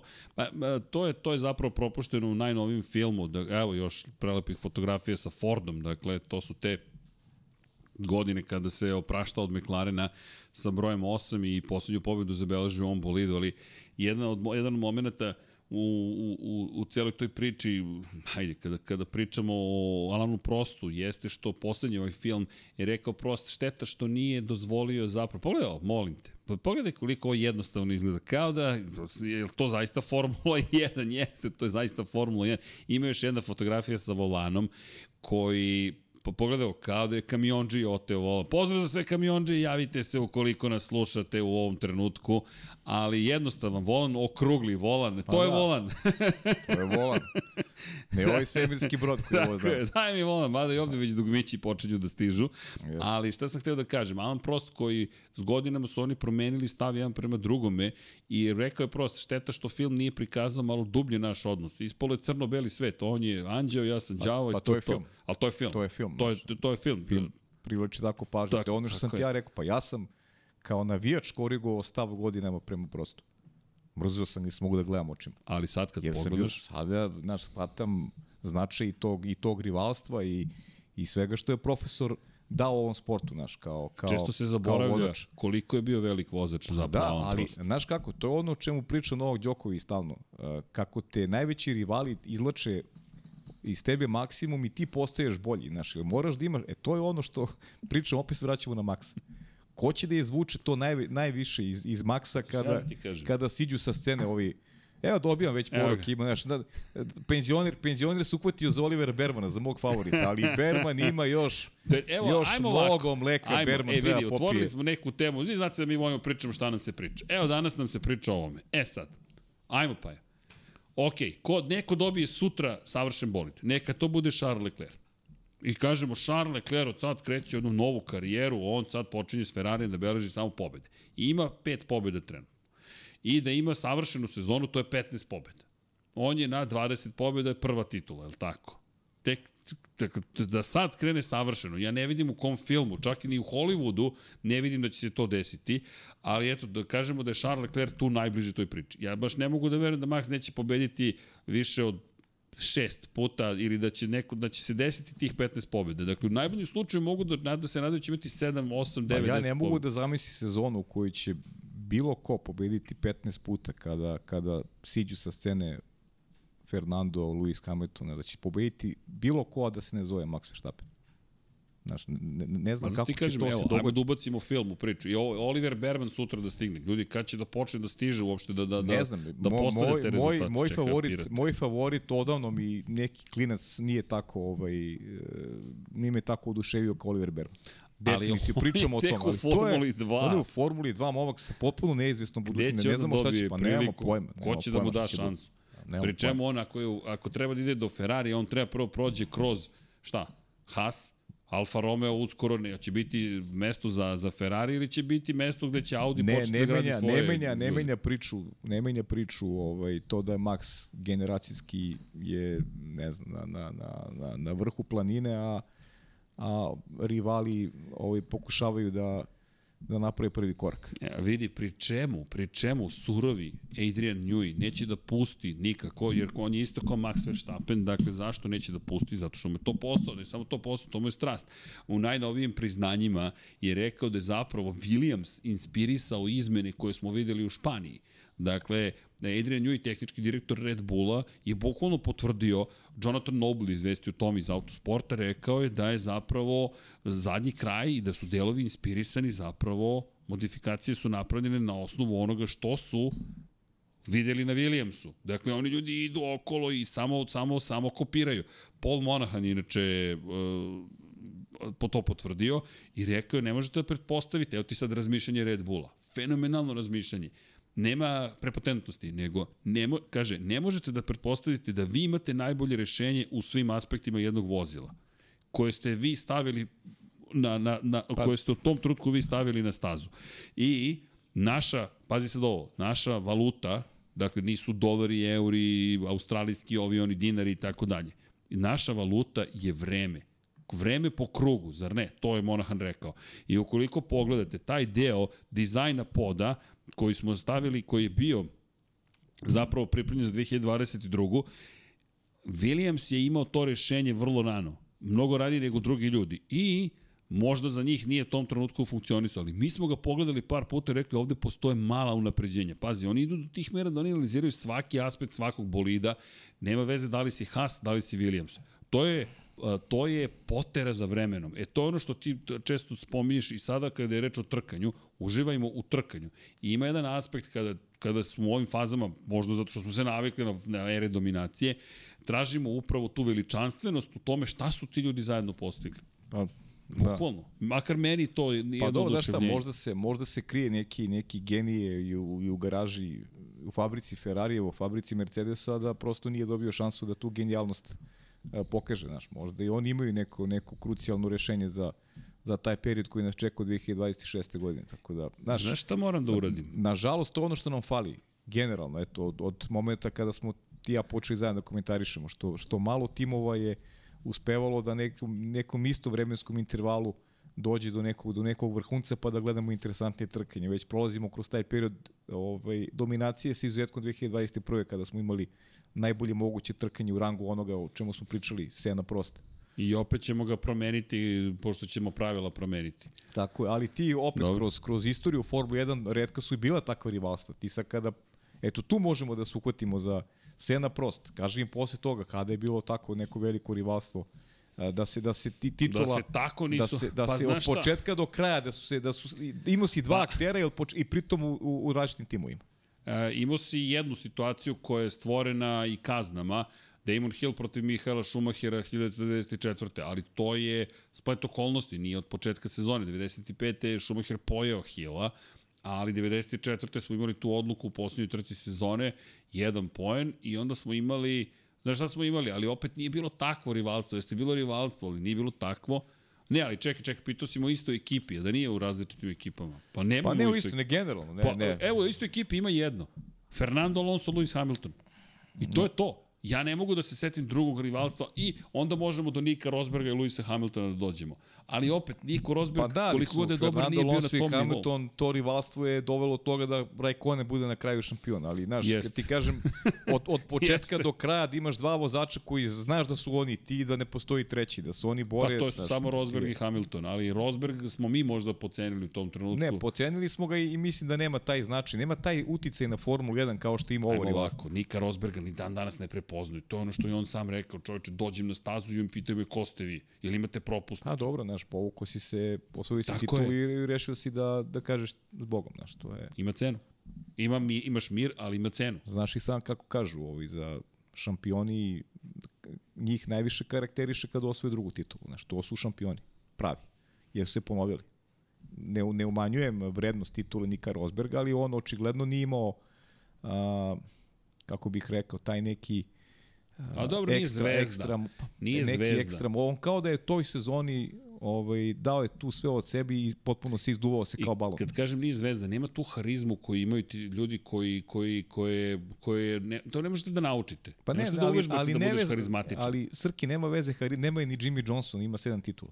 Pa, ali to upravo to. Znaš, ni, ni Jimmy nema harizmu, ima sedam titula. Pa ne, ali, ali, nego, ali zato ti tome govorim, znaš, ti, ti nekako, mislim da je to zapravo poteklo od toga što O- su... Ovaj, ovaj nema taj neki, neki, taj sportski, ovaj, taj neki ubilački instinkt nema, znaš, nema, ne, nema, nema želju da se, da se, da se dokazuje iznova, znaš, on se tu, on se tu ispraznio kao, kao neki balon se, je, se izduvao i, i rekao doviđenja, znaš. Da li to znači da je Fernando Alonso zapravo otišao u penziju u Monaku ove godine?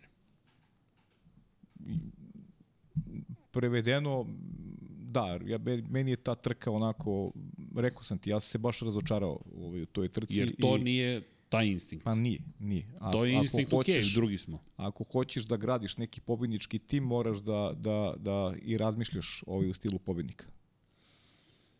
Vrtimo se oko šampiona. Sviđa mi Da. se gde smo otišli, o čemu razmišljamo u ovom trenutku, ali moram ti reći Pa zato da... je ovaj, ovaj, pa zato kažem, zato su ta dva imena. Ta dva imena postoje kao i dalje se vrte u opticaju kao ne znam, nešto što što navijači Formule 1 žele. Lewis Hamilton je i dalje moje mišljenje, jedini koji može Max Verstappen da pobeđi u kontinuitetu. Ne vidim ni jedno drugo ime trenutno. Inače, izvini, zanimljivo, i, i Red Bull, što mi je simptomatično, i Mercedes kažu da će Kanada biti zapravo malo drugačija za, iz perspektive rezultata Mercedesa, međutim u Mercedesu su prezadovoljni razvojem ne toliko bočnih otvora, koliko prednjeg oslanjanja.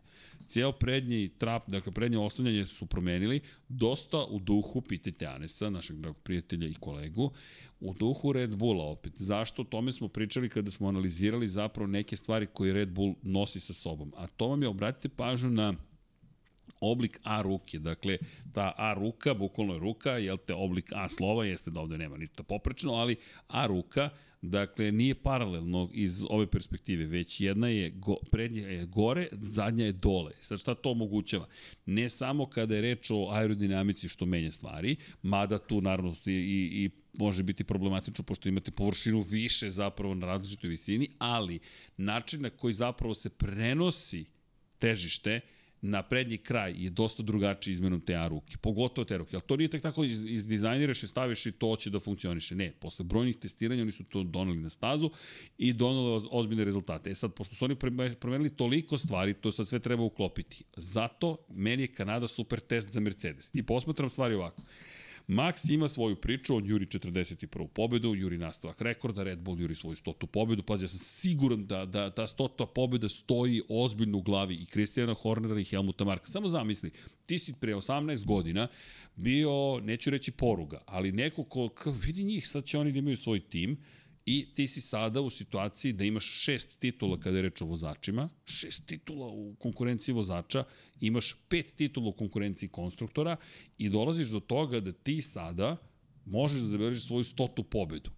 Pa znam, ali oni znaju da će upisati nešto. Misliš što je to? Pa da, ali, znaš, oni mi ne deluju mi kao, znaš, kao tim neki Ma ja mislim da njima to koji, važno. Pa sigurno je, pa mislim, narodu je Znaš. važno. Ali mislim da će to, to, to će da osvestit će sve ovo što si rekao tek kada se dogodi.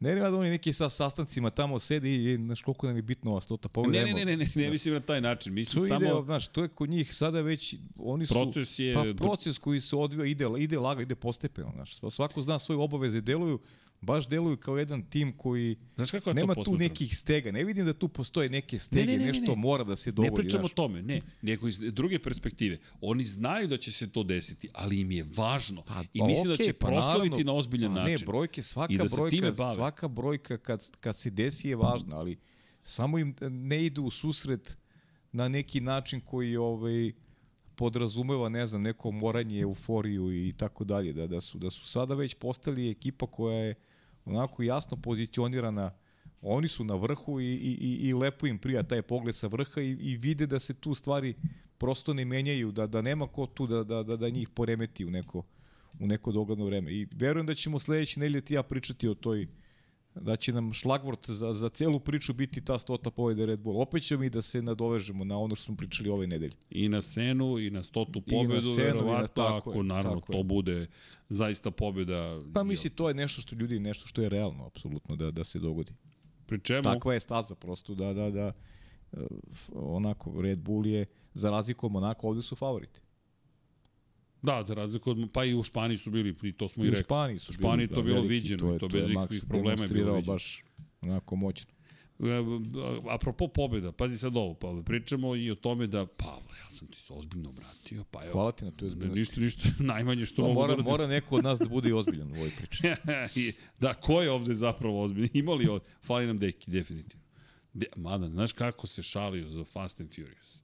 Dakle, mo, Evo, pustio se. Znači. potpuno, ne, ne, deki, Popustile karike. vidi, ne, ne, popustile karike, vidi, ti znaš da on ozbiljan kad ja, ja nešto bup, ne bupnem, nego idemo ono senzacionalistički, idemo deki. da, ono tvoje, a, da, tako da, je, a, znam. de, a deki, čekaj, srki, čekaj, stani, stani. To, to, to nije znanstveno na znanje. Smirela, stani. smirela. To, to, to, ja kažem, kakvo znanje, bre, idemo agresije, idemo, bre, čoveče, idemo loženje, da vatra gori.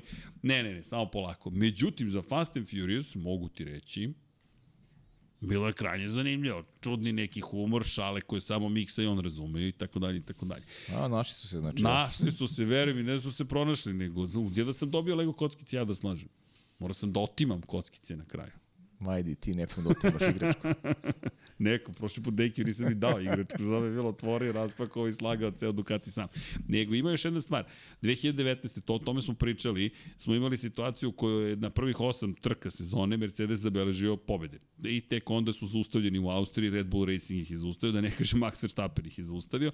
Međutim, to isto meni makar zanimljivo, znaš, taj početak sezone, mi ćemo sada doći, apropo priče o tome da li prisustujemo dominaciji kakvu smo imali sa Mercedesom, da imamo dominaciju kako smo imali s Mercedesom i ukoliko sada zabeleže pobedu u Kanadi Red Bullovci, to će biti izjednačen najbolji rezultat koji je Mercedes ikada imao u svojoj istoriji, naravno u hibrid, pričamo o hibridnoj eri, dakle 2019. Valtteri Bottas i Lewis Hamilton, osam pobeda u prvih osam trka sezone čisto još jedna stvar. I kada kažem to da, im, da mislim da im znači, ne mislim da sad oni sedi, ja, znaš, moramo zabeležiti. Ne, nego da ne zaboravimo šta sve možemo da ostvarimo u ovom trenutku, a mašina ide dalje. Samo melje, tapa, tapa, tapa, tapa, tapa, tapa i sad to pitanje za Mercedes. Jedva čekam da vidim Mercedes. Zašto? E, pa to je- Hoću da saznam da li su ova unapređenja ta unapređenja. To je, to je sad taj, taj ovaj put ovaj koji je, eto sad si rekao, ko je zaustavio Mercedes te 2018. godine. Neki, neki klinac koji je počeo, koji je uveliko već pokazao da je, da je talentovan. Ko njega može sad da zaustavi na tom putu? Ko ima tu, naš, snagu, ko ima moć, eh, individualnu, timsku, da moment neki krize, koji pojavit će se neki moment krize. Da, ono kod će se Maxa. pojaviti Pa neka Perez. loša trka, ne znam, udarit će u zid, nešto, desit će se nešto, znaš, ne možeš da voziš ti 23 savršene trke. Znaš, desit će ti se neki kiks. Ko je taj koji može da, da, ti kažeš, pojavit će se Sergio Perez. e, to je, to, je, to je problem. To je problem ovaj, i prošle sezone i ove sezone. Ok, Mercedes se ukazao tek kad je, kad je sezona bila gotova, pa ono, ona je pobeda Georgea Russella, to je već bio kraj priče. Ali sada treba i šampionatu i treba zaustaviti ovaj, taj neki pohod koji ima Max Verstappen i Red Bull, da li postoji ta snaga koja, koja to može? Pa vidi, Đorđe ih je zaustavio prošle godine u Brazilu, inače bismo sad brojali, nemam pojem, ne znam ja koliko pobjede zapravo u cijeloj priči. Nemoj da brojimo sad. Nemoj sad da brojimo, prošli put smo brojali, tako da, da, tako da nema potrebe ali kada pričamo o, o ovome samo, ajmo, Mercedes, ja želim da vidimo ovde duel između Mercedesa i Aston Martina. Ako znamo da je Aston Martin kroz spore krivine dobar, dakle ovde imamo pravac, pravac, pravac, pravac, pravac, pravac, pravac, pravac, pravac, koči, koči, koči, koči, pa, pa skreni, skreni, skreni, imaš možda dve brze krivine. Dakle, bukvalno dve brze krivine. Jer, vidjet ćemo posle, pravac, blago skretanje u desno, ideš levo naglo, pa onda desno, desno, desno, desno iz nižih stepena prenosa, kratak gas, S krivina, pa ta brza krivina u desno punim gasom, pre nego što dođeš do još jedne S krivine, pa onda ideš, to čak nije ni krivina, ideš pravac, prelaziš nad, ispod nadvožnjaka čuvenog, tu moraju da vode računa, ako tu na primjer, to, to je isto zanimljivo, dakle, tu može da ostane ako padne kiša, zapravo od sunca se neće prosušiti, ali to zapamtite kao detalj. Zatim, idemo pravo, pa imamo S krivinu, pa opet idemo tamo kao ukosnici i tu je kao krivina, ajde, relativno brzo, mada to svi će relativno brzo tu da prođu, i onda ukosnici, i onda ideš pun gas, pun gas, pun gas, pun gas, pun gas, pun gas, S krivina i ti si završio krug. Eto i sve što si rekao sada, kaži mi ko može tu Red Bull da ugrozi?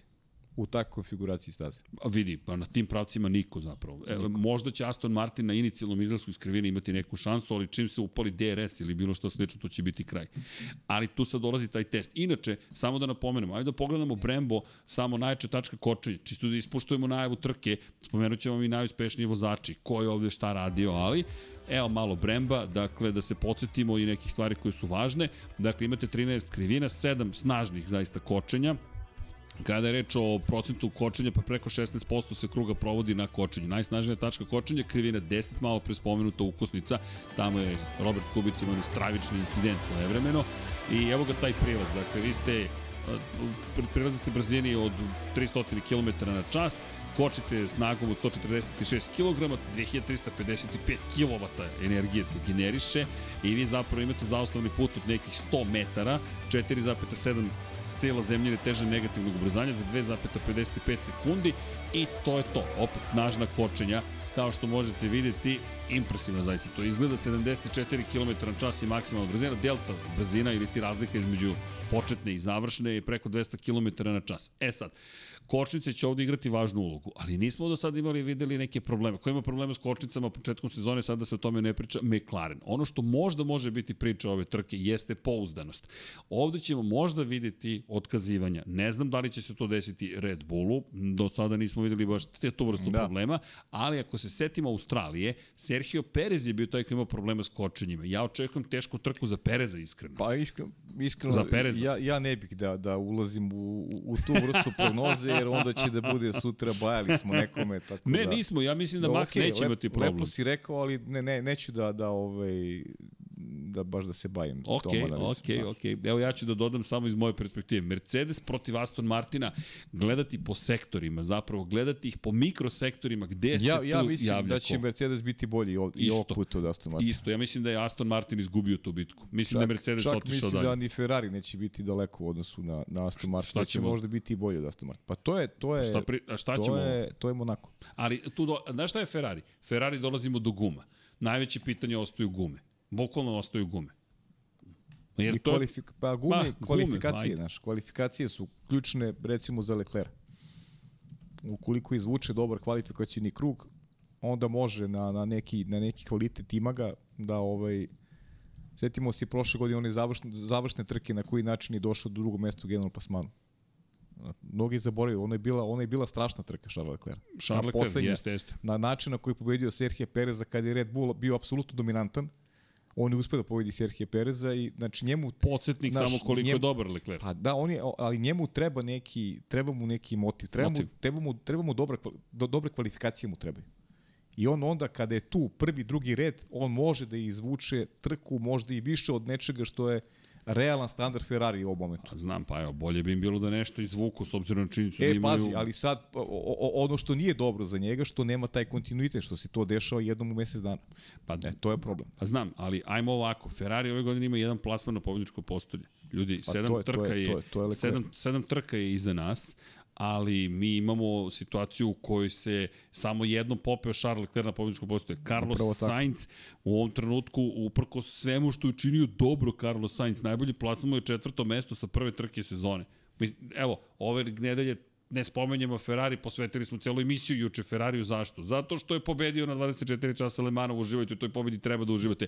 I ne, negde, znaš koji mi je naslov bio u glavi? Dan zbog kojeg se decenijama navija za Ferrari. Mm -hmm. Dakle, i pozdrav svim Ferrari navijačima. Ti provedeš celu deceniju, deceniju i po, dve decenije, čekaš tu titulu. Prvo od Jodija Šektera do Mihaela Šumahira. Onda od Kimera i Konera do ne znamo koga. Ne znam ko će da donese titulu Ferrariju. Ove godine sigurno neće doneti, ne mogu do pobede. Mm -hmm. U ovom trenutku Lewis Hamilton je dva puta bio drugi, George Russell je bio jednom treći tri puta više imaju plasmana na pobjedičkom postoje Mercedesovi vozači. Pri čemu je Russell startovao 12. u Španiji i došao do trećeg Pa dobro, ali mesta. ti, zato ti kažem da, da od Fe- Ferrari može ukoliko Leclerc odvez dobre kvalifikacije. Ali čekaj, da li može da Znaš. pobedi i Pereza, i ne, Hamiltona, ne, ne, i ne, ne, ne, Georgea Russella? Ne, ne misli da može da pobedi, da može da pobedi da pobedi u trci. Ne, ne, ne, da pobedi njih. Nego, pa nekog može. Da, kažem ti, šta, Ali- mi, šta mi je reper? Šta mi je reper? On je i ove godine uspeo da pobedi Alonsa i da prekine taj niz koji je Fernando Vidi, ja čak imao. još nisam spomenuo Alonso. Pa da, ali, ali Znaš. Fernando je počet godine imao taj niz, jedini ga je prekinuo jedini ga je prekinuo do ove posljednje trke Charles Leclerc. Jedini on uspeo da mu krade podijum. To je njegovo treće mesto do Monaka, on je redovno bio treći. Nije uspeo, prekinuo mu Charles niz. E, Zato ti kažem, kvalifikacije, dobre kvalifikacije mogu da ga uvedu u neku priču u borbu za, borbu za podijum. Sa kvalifikacijama lošim, sedmo, osmo mesto, tu Ferrari nema šta da traži. ali, nema nike šanse. Ali ja pa ne vidim... Mercedes može. Mercedes može, čak i sa 7. 8. pozicije može da kontroliše trku tako da mogu da naprave nešto u trci. Vidi, kako su preticali Aston Martin u Španiji, to je izgledalo dosta jednostavno za Mercedes. Onako kako bi se dalo očekivati Jeste. po reputaciji. Jeste. Ali dolazimo do sve, moje, sve, moje pitanje, da ja stojim, pa evo pri tom pitanju, Leclerc treba sada da pobedi i Rasela, i Hamiltona, i Pereza. O Maxu ni ne pričam. Ne pričam čak, Maxa ne spominjem. Znaš, on, on da bi uopšte došao do pobjedničkog postoja, on ima ozbiljnu grupu vozača sada. Ok, mora pobedi nekog u cijeloj priči. Znaš, ne mora pobedi sve, pobediš nekog, boriš se za treće mesto. To je jedini način na koji može Ferrari da se uključi po ono bitku za podijum. To je moje mišljenje. Samo dobre kvalifikacije Charles Leclerc. Jer imao je Sainz prošle trci dobre kvalifikacije. Imao je odlične kvalifikacije. I gume, ali kažem ti gume, gume C3, C4, C5. Ajde da vidimo šta će da rade sa gumom.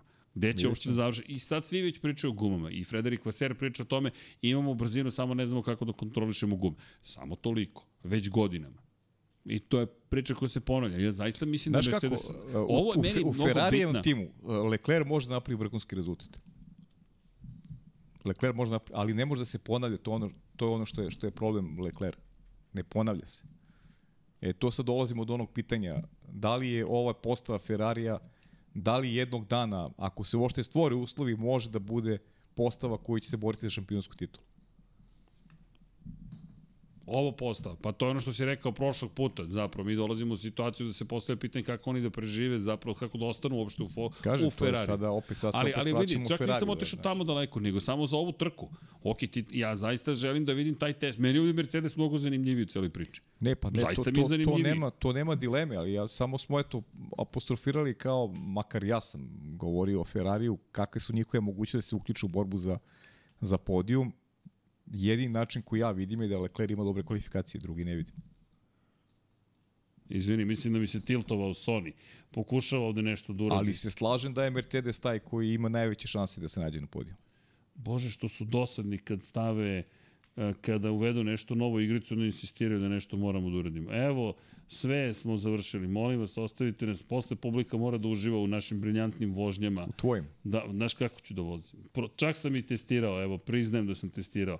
Omela mi je pažnju trenutno mašina. Testirao si, pa što ne priznaš ljudima da si da si se vratio na onaj stari petak, imao si dva treninga po sat i po.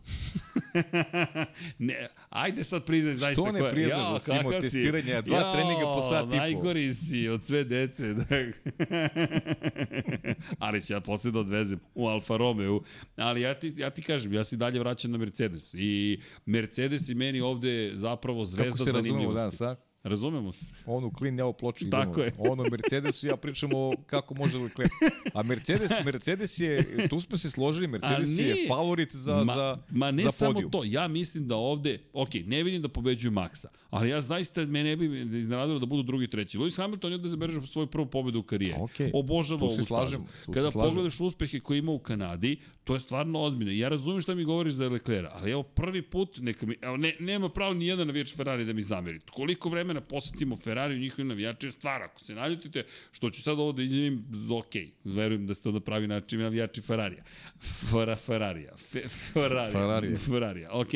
Ali, Charles Leclerc meni ovde nije zanimljiv. Evo iskreno ti kažem, uopšte mi nije Dobro. zanimljivo trenutno šta će da uradi Charles Leclerc. Biće mi zanimljivije kada odemo na Red Bull Ring. Tamo je pobedio prošle godine. Sada, da, ima i novitete Ferrari. Zanima me šta je Mercedes učinio. Jer Mercedes je imao spektakularan tempo odnosu na sve ostale, osim, odno, osim odnosu na Maxa Verstappen i Serhija Pereza. Perez, ok, loš start kvalifikacije itd. itd. itd. itd. I sad očekujem da se muči. Iskreno Pa, očekujem da će biti mislim- peti u kvalifikacijama, jer ovo je kratka staza, minimalne greške, ogroman gubitak pozicija. Mislim Ali da će tu biti... Mercedes je, Mercedes je krenuo Ali, ali, Ne. ali pa ovde nema dugih krivina. I to je najvažniji test. Ako ovde budu brzi, Mercedes, jer šta nam nedostaje? Ukidanjem šikane u Barceloni, mi smo ostali zapravo bez toga da za, imamo kompletnu test stazu. Dakle, zato što nismo imali tu šikanu poslednju, mi ne znamo kako se ponaša Mercedes u tom aspektu. Prošle, pre, prethodnih godina, sektor broj 3, znamo da je tu šikana, aha, dobar izlaz iz sporih krivina, dobri na kočenju, stabilni na prolazcima i kompromis između mekog oslanjanja i tvrdog oslanjanja je adekvatan. Sada ćemo bukvalno imati to. Tap, tap, tap, tap, levo, desno, levo, desno, desno, levo, levo, desno. Ako tu budu dobri, dakle, ako ja tu budu tu, ja dobri, tu nemam dilemu kraj. uopšte. Ja tu nemam dilemu. Ja njih vidim kao drugu ekipu. Ali, A meni je zato ovo, ovo druge stvari su mi interesantnije nego da nego vidiš Mercedes. Ferrari šta će da uradi. Pa zato što imamo očekivanja od Mercedesa da, da, budu, da budu druga ekipa. Mora- A zanima me šta može uh, Aston Martin i koliko može, kažem Protiv ti, ko, ali, ka, i, i rekao sam ti kako jedino vidim da se Ferrari uključi. Samo uz dobre kvalifikacije. Kretneš sa šestog, sedmog mesta, nema šta da tražiš. Ja, ti si, ti si završio trku. Znaš šta je problem Ferrari? Evo ja slušam nas dvojicu i apropo Sainz. Sainz odveze sjajnu trku i sve je okej. Onda Charles Leclerc odveze sjajnu trku. I onda kažeš, ok, dobro, evo Charles Leclerc. I, i, iskreno, mislim da podjednako koštaju Sainca koliko koštaju Charles Leclerc. U kontekstu toga da ljudi izaberite više ko je vozač. Ko, ko, ko, tu, ko tu stvarno se nešto pita. Mislim da moraju da izaberu svog vozača. I dok to ne reše, ova priča cela, pa malo jedan, malo drugi, a nije ni jedan, a nije ni, a obojica su, ali je jedan, pa tu nema uspeha. Ja, ja duboko verujem da Ferrari mora da se opredeli. Pa dobro, mislim da sad ova godina i ova godina to i ne moraju da rade. Da se opredeljuju. Ali to je- Znaš, zašto se opredeljuješ sad? Kad ćeš se opredeliti? Kada ćeš se Pa opredeliti? nije bilo ove godine trke da su oni trebali da se opredele. Pa znam, Aj, ali mislim da, tre, da neće trke. doći do su trke kvarove, ako se ne su- opredele. Znaš koje je moje mi... Zašto to kažem? Do, do, dolaziš u situaciju, ok, ej momci, ajde da preživimo još jednu godinu i izgurajte sad bitke za treće mesto, četvrto, peto, već smo počeli da pravimo bolid za sledeću godinu, a onda ako budemo konkurentni ćemo da vas ostavimo opet u razmišljanju da li ćemo da podržimo nekoga.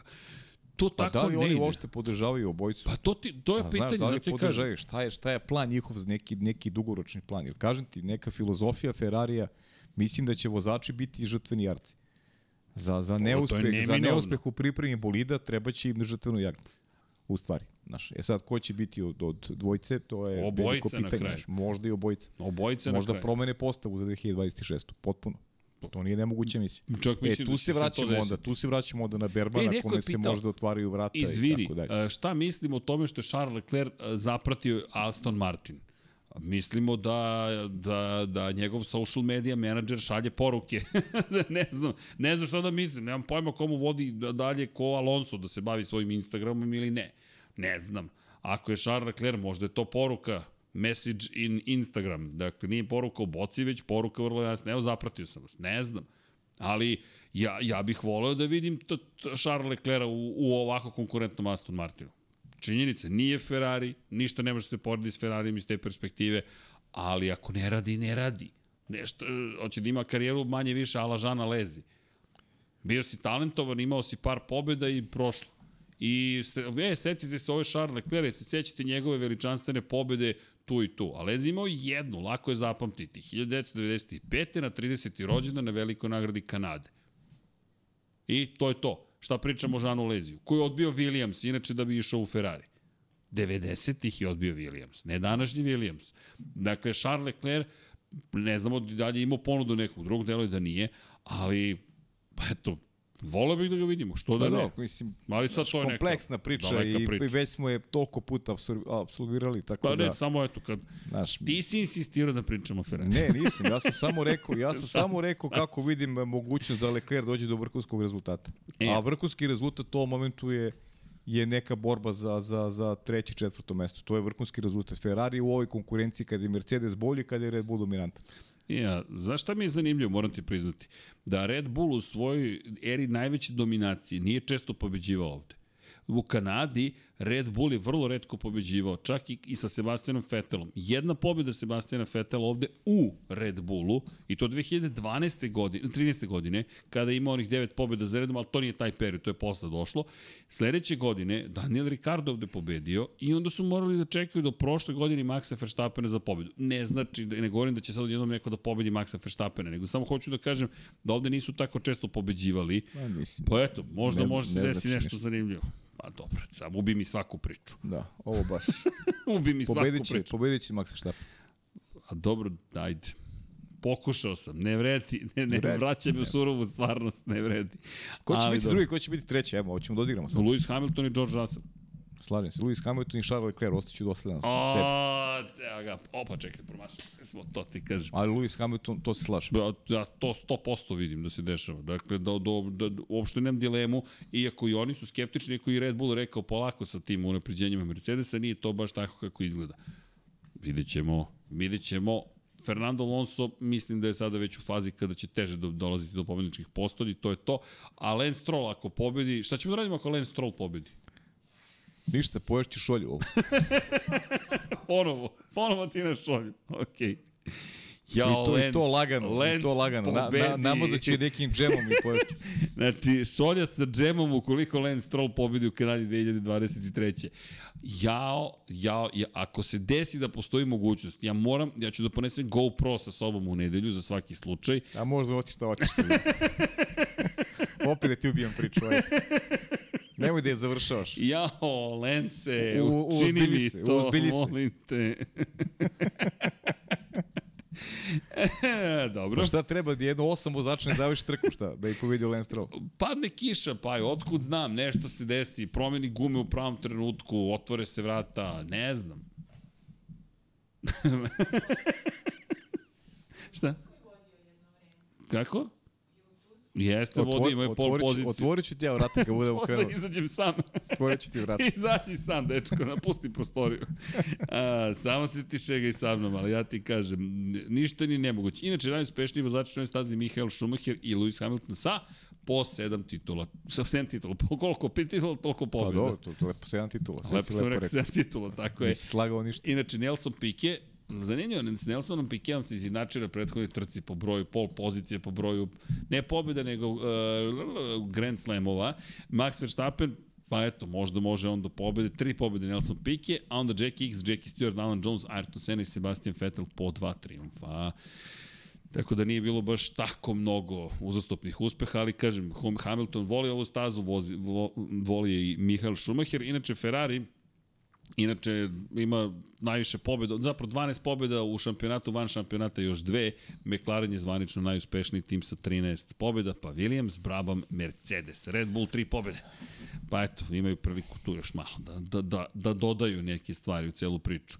Inače, od 1967. se trkamo u Kanadi i kažemo, bilo je tu zanimljivih momenta. I Mo Sport i Mont Tremblan, tako da je ovo staza koja, koja nas vodi u državu koji te kako voli Formulu 1. Ceo grad živi zapravo za Formulu 1 i očekujem zaista opet rekordne brojke po pitanju posete. Nema razloga da se bilo šta promeni po tom pitanju. 2020. i 2021. nismo bili ovde, tako da prošle godine to bio veliki povratak u grad nekako je bilo lepo ponovo biti u, u Kanadi. A što se tiče samog kalendara bizarno je što posle svega ovoga, dakle, posle Kanade se vraćamo zapravo za Evropu. E, to možda može biti zanimljivo. Austrija, pa velika nagrada Velike Britanije, pa velika nagrada Mađarske, pa velika nagrada Belgije. Zašto? Posle Kanade dolazimo u period u kojem mi u julu imamo četiri trke i to četiri trke koje sam upravo spomenuo, sve su na evropskom tlu, posle toga još dve u Evropi, Zandvoort, to je Holandija i Monza, to je Italija. Ali ove četiri koje dolaze posle Kanade mislim da su važne iz perspektive novih dijelova, da je to taj period kada pa, možeš je, da, najvažniji period godine imamo u jednom mesecu četiri trke, to je da, spektakl. To je baš onako, imamo samo jedan, jedan vikend.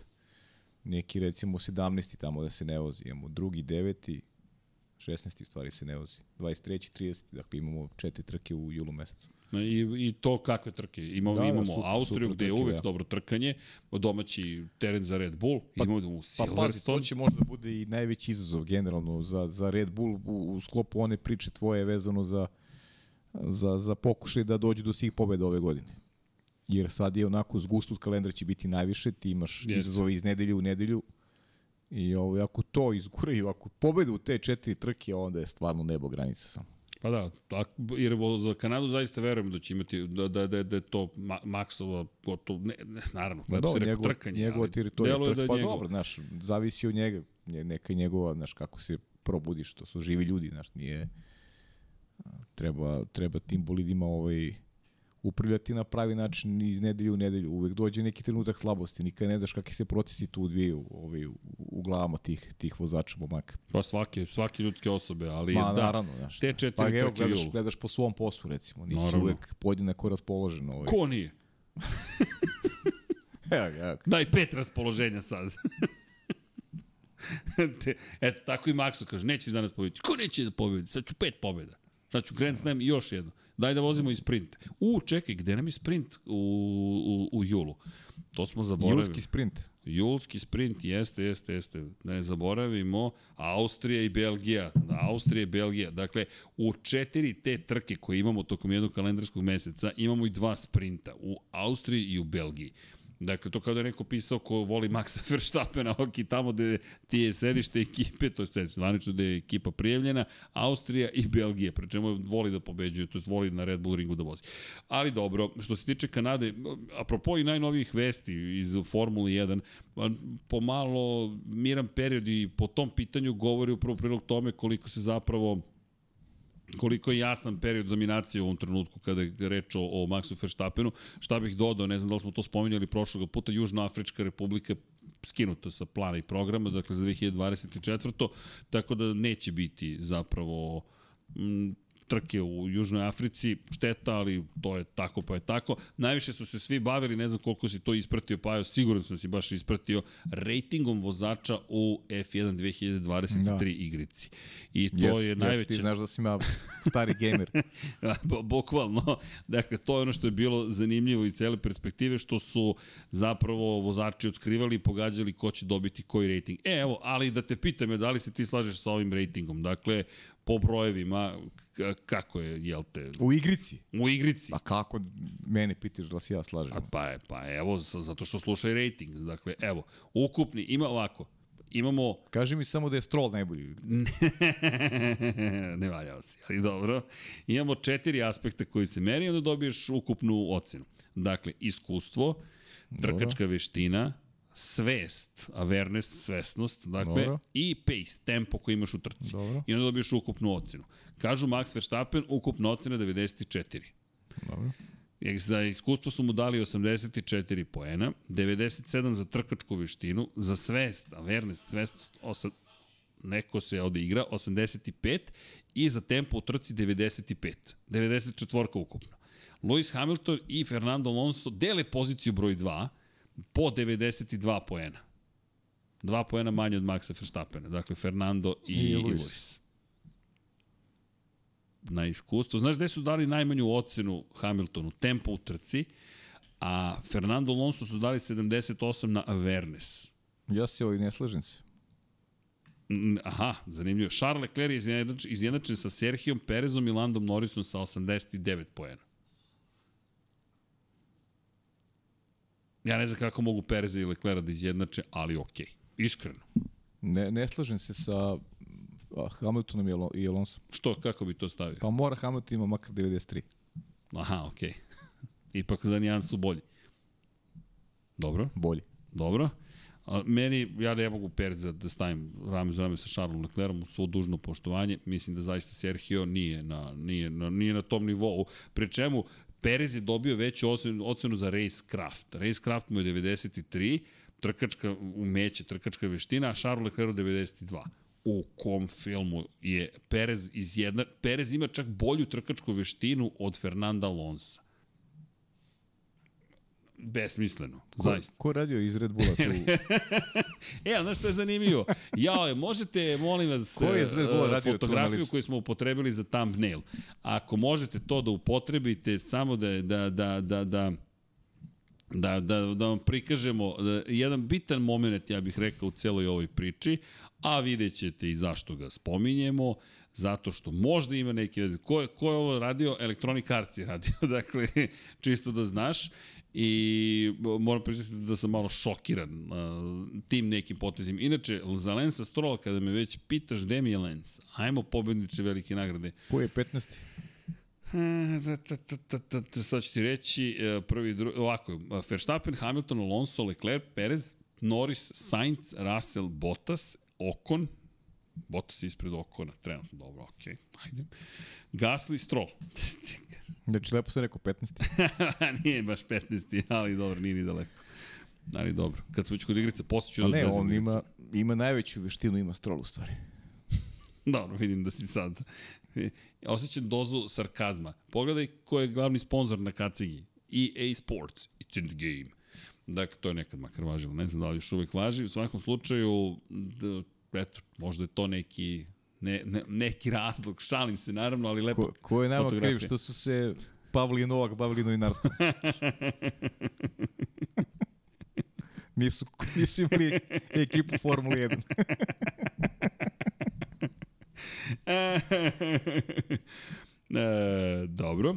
E, inače, kada smo malo pre spomenuli Belgiju, samo Dobro. da napomenemo da je Belgija i dalje pod znakom pitanja da šta će se dešavati 2020 četvrte i s obzirom na činjenicu da Kjalami neće biti, apropo malo pređašnje priče o Južnoafričkoj republici na kalendaru, to otvara priliku da se zadrži zapravo Belgija, da ostane kratkoročno makar u Formuli 1, ali ono što je zanimljivo da su podigli kapacitet zapravo za gledalce sa 100.000 na 110.000 po danu, što je dodatnih 10% i da su već rasprodali sve te ulaznice, tako da Belgija, kao što smo rekli, očekujemo zaista da imamo ne novo iskustvo, nego potpuno nove brojeve sada u ovom trenutku manje više šta god da organizuješ, da ima potpis Formula 1, to će se rasprodati, bukvalno.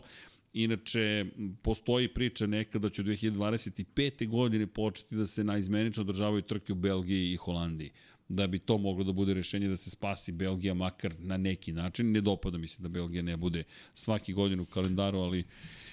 ali Pa iskreno, još ne dopada mi se ni da Holandija ne bude, znaš. Pogotovo sada, Zandvoort je zaista zaslužio to. Ona atmosfera je fenomenalna i dobro je trkanje. Ok, staza je pomalo karting staza za ove bolide Formula 1, ali ok. Očigledno se priprema teren za, Tako je... za show, Pa, za, ci, za cirkus. pa da. Ovo je vreme, vreme cirkusa, ovi, ok, znaš, prihodi, novac, dominantna stavka u cijeloj priči, tako da ćemo da gledamo Miami i i ostale. Mada se priča da šefovi Formula 1 guraju ka tome da se smanji veličine bolida, da Pa do, prećemo... to je, pa, to je osnovna stvar koja treba, ajde, manje, manje, više, pogotovo na ovim uličnim stazama, šta ti dobijaš, kakvo trkanje imaš na, ne mogu si, ne, znaš, ne mogu da obiđeš ovaj nikog na stazi. Sve se bazira onda na pol pozicije, nekoj taktici, da će neko da, ot, da otkaže. Ok, Monako ove godine bio super, ali ako imaš 10 Monaka u kalendaru, pa to, to nije dobro. U ovom momentu mi smo na nekih 200 kg težine dodatne u odnosu na bolide iz 2007. 2008. godine. Da. A oni trenutno imaju malo manje od 800 kg. Mi ovde govorimo o četvrtini, 25% zapravo težine koje imamo, koju nismo imali pre 15 godina. Moraju malo da smršaju boliti. Mo, moraju, definitivno Moraju, se moraju. uz ovu dosta, dosta se ugojilo. Dosta se ugojilo. Da, Dosta ne, ne radi se ništa. ne radi se ništa, mora malo više da se vežba. Ali izvršni direktor, da, Stefano Domenicali Formula 1 je rekao da zapravo će biti na agendi za pravilnik za 2026. Apropo te priče o, ajde, pre spektaklu koji nije samo na nivou toga i samo za lepi Formula 1 i sve će to da prođe, zaista mislim da moraju da smanje. 798 kg je trenutno, da, povećala se težina i zahvaljujući insistiranju na tome da bude pojačana bezbednost, sve okej, okay, ali 200 kg više nego što smo imali, to je baš mnogo i nadam se da će to zaista uspeti nekako da izvedu, jer potrebno je da budu agilniji bolidi. Mislim da će to pozitivno uticati na trkanje u kontekstu toga da li nam treba DRS ili nam ne treba DRS, da li ćemo moći da gledamo zapravo čak i uz efekat tla nešto uzbudljivije trkanje i tako dalje tako dalje tako dalje. I, I zaista mislim da je to važna tema koju treba pratiti. Koliko može da se utiče, pa to je na vama. Vi da kao gledalci pišete, da se žalite, kažete hoćemo, hoćemo, hoćemo, hoćemo, to može da, da urodi plodom, ali mislim da je to zaista neophodno. Inače, bilo je još vesti tokom ovih sedam dana koje mi nismo pokrili. Jedna od vesti koja baš me zanima tvoje mišljenje, teško je proceniti ovako na, na, na, na, na, na da kažemo na keca, ali James Key je zapravo imenovan novog tehničkog direktora Alfa Romea po svom odlasku iz McLarena. Dakle, sledeće mesto koje će naći James Key će zapravo biti u Alfa Romeo, da ne kažem Zauberu, da ne kažem Audiju, kod čoveka s kojim je sarađivao, sa Andreasom Zajdlom. Inače, Ki je bio jedan od ključnih ljudi u razvoju bolida koji su sada u McLarenu. Kako bi ti rekao, dobro društvo se okuplja tamo. Je, jel ti deluje da je to da, dobro? Mnogi su skeptični, smatraju da Ki zapravo loš posao uradio. Meni, meni deluje dobro. Meni deluje dobro. Ja, ja delim tvoje mišljenje, iako je bilo tu problema pa, okay, sa James naš, Kim, ali... Pa, da li on, da li je, da li je Ki problem ovaj, u celoj priči. E, Lako pa, možemo u neku da, znaš, da, da upremo prstom u neku. Ja mislim da, da Zajdl zna šta radi.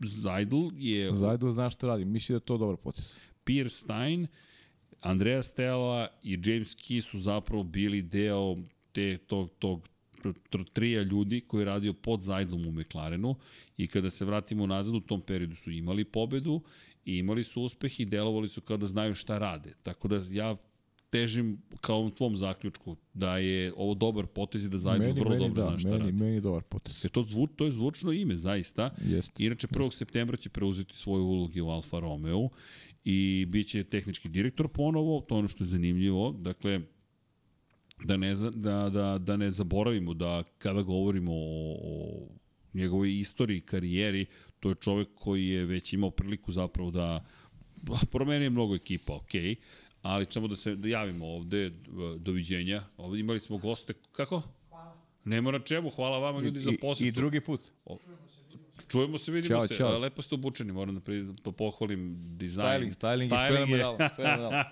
Naravno. Fenomenalno styling. Uživajte u večeri. Čao, čao, prijatno.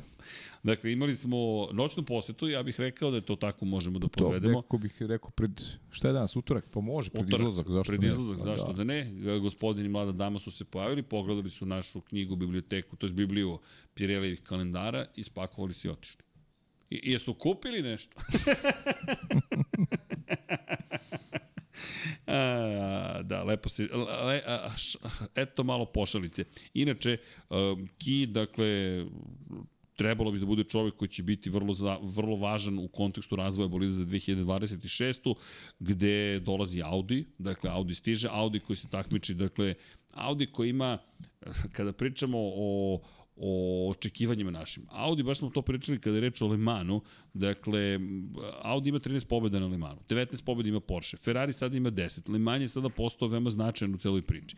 Kada pričamo o Audiju, Audi u ovom trenutku, kada je reč o hiperautomobilima, nema ga. Dakle, Cadillac, Vanval, Porsche, Toyota, Ferrari, Peugeot i Glickenhaus. To su timovi koji učestvuju. Audi u ovom trenutku deluje da ovaj fokus vrlo ozbiljan kada je reč o, o, o Formuli 1. Ovo angažovanje meni deluje kao da kupuju iskustvo i kao da se zajedalo oslanja na ljude koje poznaje. Jer ajmo ovako, kada pro, ti odeš u neku drugu firmu i ti si sutra izvršni direktor, ne znam, televizije ili čega god, koga dovodiš sa sobom? Pa, ili, jel dovodiš nekoga? Ceni da dovodiš ljude koje poznaješ kroz svoju karijeru i na koje možeš da se osloniš. Pa naravno, naravno. To rade naravno. svi. Ali ne, ne ovaj, one koje nužno privatno a, volim, nego one koji, za koje znam da će mi u poslu ovaj, pomoći.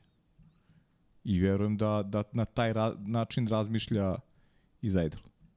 Znači da on veruje u, u, u čoveka koji, koji dolazi da može da mu pomogne u organizaciji tima i svemu onome što treba da donese rezultat. To je to, sposobne znaš, ljude na koje možeš je, da se osloniš. Znaš, nije sad ovaj, nije važno taj lični ovaj odnos, nego je važno da, da se okružen ljudima koji, koji znaju posao. To je suština cele priče. Slične e, stvari nam stižu iz Williamsa. Slušaj izjavu iz, iz ekipe. Dakle, e, dovođenje Jamesa Wowlsa je dovelo do toga da čovek koji je zadužen zapravo da da, da, da zadužen za razvoj vozila i performansi vozila Dave Robson je izjavio za Autosport da je dolazak Jamesa Wowlsa doveo sa, doveo sa sobom svest, doneo svest da će oporavak i povratak u vrh Formule 1 biti teže nego što su mislili u Williamsu. Meni je šokantno da to neko uopšte izjavi, pozitivno što priznaje da su oni zaista imali neka manja očekivanja. Ne branim ih, samo bih to posmatraju sledeće perspektive. Pa koliko puta smo videli da ljudi žive u nekom svom balonu praktično, ubeđeni da su stvari bolje nego što jesu. Tako je. I onda neko dođe i probuši taj balon, to je neophodno. Prvo se suočiš sa stvarnošću, James Wallace je stigao iz Mercedesa i ono što govore jeste zapravo da, da bez obzira što, što ok, znali su da neće moći odmah da se promene stvari. Međutim, nivo sofisticiranosti koji posjeduju veliki timovi i tehnologije je nešto što poznavanje tih nivoa i tih tehnologija i te sofisticiranosti je došao sa Valsom i to znanje koje je doneo je nešto što navodno kažu da bi trebalo da pomogne Williamsu. Apropo tvoje priče, mora sposoban čovjek da se pojavi na pravom mestu. U suprotnom, to je samo popunjavanje uloge, ništa drugo. Pa da, i da, i, i, i jako važno da, da okupi oko sebe tim sposobnih ljudi i da, i da posluša ovaj neki savet koji je koji je dobar, znaš, da, da ne bude ono neki autokrata, znaš, koji ja sam sposoban i sad vi oko mene ste ovaj, neke figure koje će da mi klimaju glavom kad.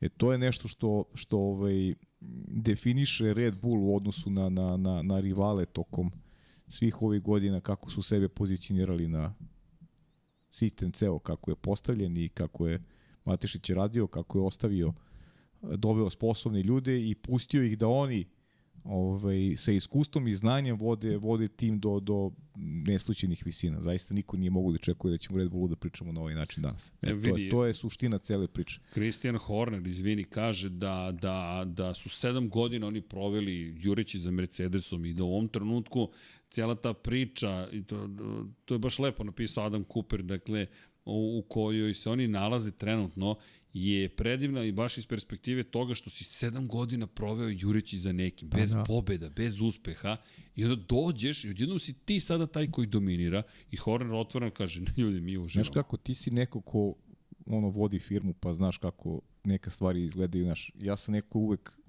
ono, nisam bio mnogo sistema, ali sam bio. I koliko jedna karika slaba, jedna slaba karika, dve, tri se pojave, koliko mogu da utiču na na sistem, pa koliko sistem. Mogu, mogu ti pokvare sistem, znaš. Aha, ba. I to i to znaš kad, kad nemaš kad nemaš mogućnost to da da da promeniš, znaš. Onda se nekako te slabe karike jedna slaba karika povlači drugu, pa treću, pa znaš, pa se pa se onda ti se nagomilaju pa se, znaš. Sistem korodira. Potpuno ti potpuno ali... ti pukne sistem i nažalost ovim prostorima ovaj mnogi su ali, sistemi pucali ovaj sad ali, prenosimo neka neka životna iskustva, ali i koliko je teško napraviti jednu takvu bazu u kome e, ljudi, tačno e, ljudi znaju šta rade i kako ovaj na, na koji način ovaj tom celom pričom upravljaju da bi došli. E misli da recimo to ta upravljačka neka struktura u Ferrariju je To sam htio da ti kažem. Potpuno je ovaj na neki disbalans tu tu tu tu je st- katastrofa kako to sve izgleda. A mi vidimo onaj, onaj produkt svega, mi vidimo to kroz trke. Način kako, pa evo, ona radio drama koju smo imali prošle nedelje koja je izazvala pažnju. Mislim, to je, e, to je, to je rezultat onoga što su odnosi u Ferrari. A to je katastrofa. Ferrari. A to je, to je. Ferrari, to tako funkcioniše. I tu mnogo toga, mnogo karika tih mora da se promeni da bi, da bi ekipa ponovo negde, da bi napravila neku hemiju koja bi dovela uh, vozače, konačni produkt, do toga da se bore za najveće uloge. Zato je dolazak Jamesa Kija toliko zanimljiv. Zanimljiv, Ti tehničkog zanimljiv. direktora, poziciju tehničkog direktora nekoga i meni, iskreno, baš sam pričao na nekim, apropo Ferrarija, Evo, Ferrari je pobedio na 24 časa Le Mans. Hoće neko da mi kaže da ne znaju da naprave automobil. Hoće neko da mi kaže da Ferrari ne zna da napravi motor. To je besmislena priča. Organizacijona... Znaš šta mi je palo na pamet kada sam bio u Le Mansu? Na MotoGP trci razmišljam da priđem zapravo Massimo Rivoli, Massimo Rivoli koji je vodio program Ferrarijeve trkačke akademije, sada izvrši direktor Aprilije, mnogo bolje ide nego što je išlo, ok, ove godine malo stuca se, ali mislim da će on to rešiti, da on ima plan i da polako to rešava. I gledam ga i razmišljam, moram to sledeći put da uradim, da mu priđem i da kažem, izvinjam se, to je da zakažem naravno, tjerujem, možeš da popričaš sa njima, ali da bi to bi ostalo zabeleženo. A i može ovako da se ispriča pa da prenesem. Zanima me, hoću da ga pitam za Ferrari, bukvalno. Da li te si, da, da si dobio ponudu, da li bi ostao u Ferrari? I ne kao neka uvreda prema Aprili, nego da li je čovek koji je očigledno vrlo sposoban da se bavi ljudima ikada Da, da, da. dobio priliku. Jer imam utisak da se sve svodi na čiji si.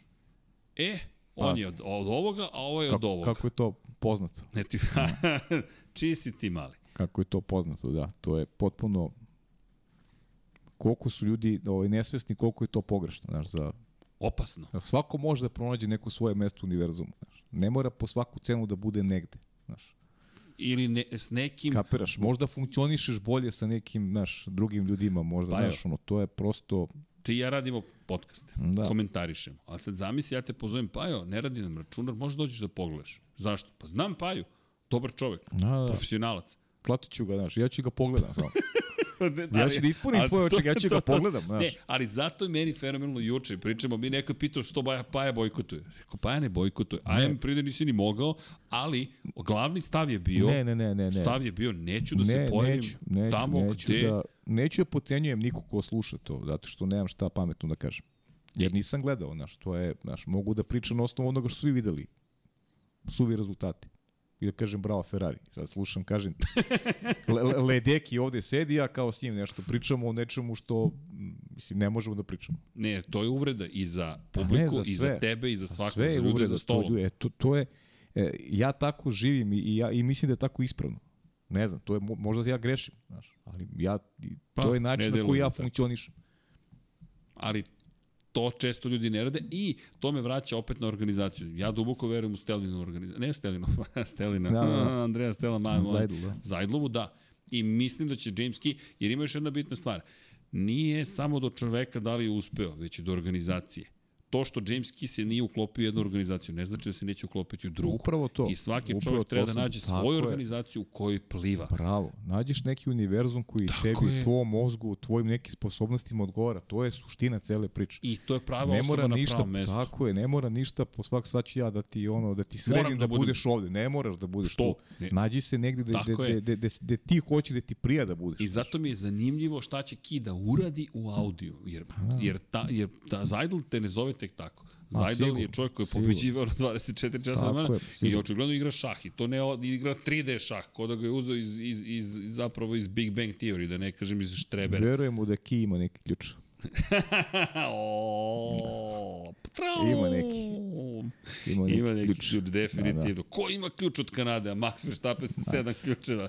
Max nema ni ključ, dakle, on, On je došao i rekao, ajde, da. otvaraj kapiju. A, ali, ali, ali si dalje nadam da će Lance Stroll da pobedi. O, Brni, okreni misiju. Vratimo se na strola. Tako je, tako je. E, ali nije, nije, ima još priča, ima zanimljivih momenta.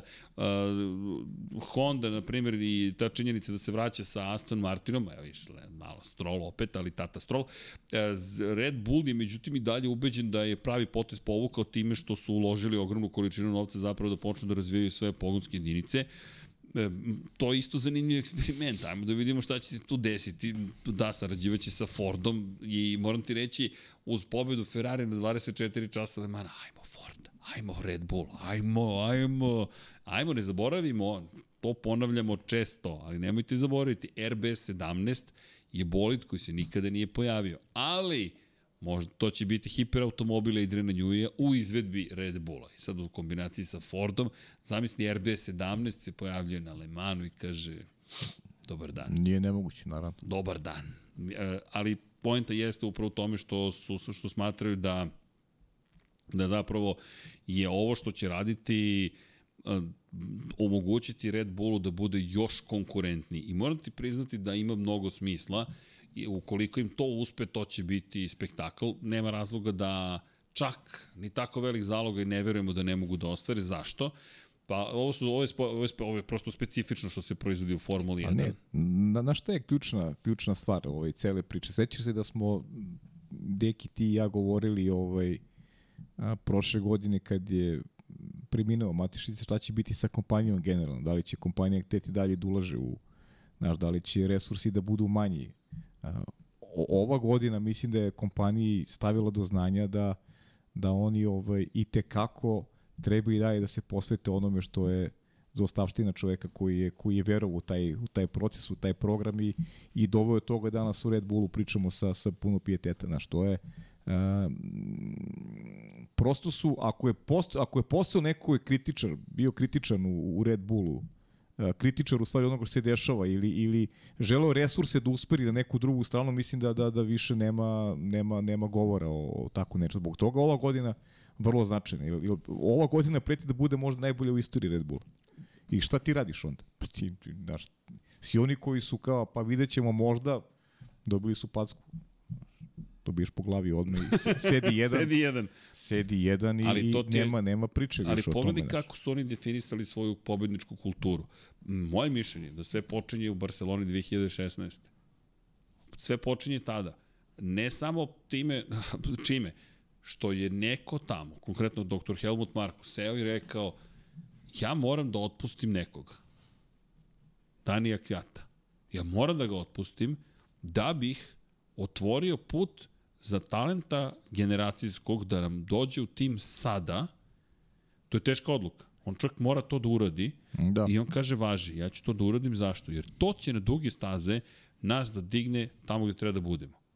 I on otpušta čoveka koji je dve trke ranije bio na pobedničkom postolju. Pa Ko je otpustio vozača Tajo koji je na pobedničkom postolju bio? Tako je, to nisu popularne odluke i, i, Zna. i naš, bili smo u tom momentu sumnjivi smo bili svi. Znaš, Čekaj, što? Sumnjičavi ga. prema tome. Pa, ne? delovalo je lično. E, to, to ti je sad kao, znaš, da recimo postoji neka glava u Ferrariju koja je sad ja, znaš, nismo ti ja popili su pamet ovog sveta, pa se razuma, meni, meni Oliver Berman neko ko se meni dopada, ali imaš, ali imaš ti sad tu neke ljude koji se time ozbiljno bave, koji, koji prate sve moguće aspekte karijere E, nekog klinca koji treba sutra bude veliki vrhunski vodač. Ali ajde da prepostimo da je on taj.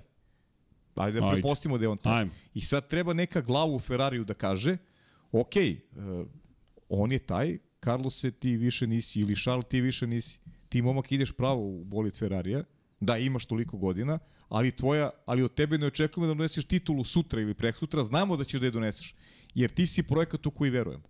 Ali, znaš, Gde to počinje zapravo? Gde počinje, dovodi me na ovu sada priču u, u, u koju spominje Red Bull. Ko kontroliše sudbinu Red Bulla?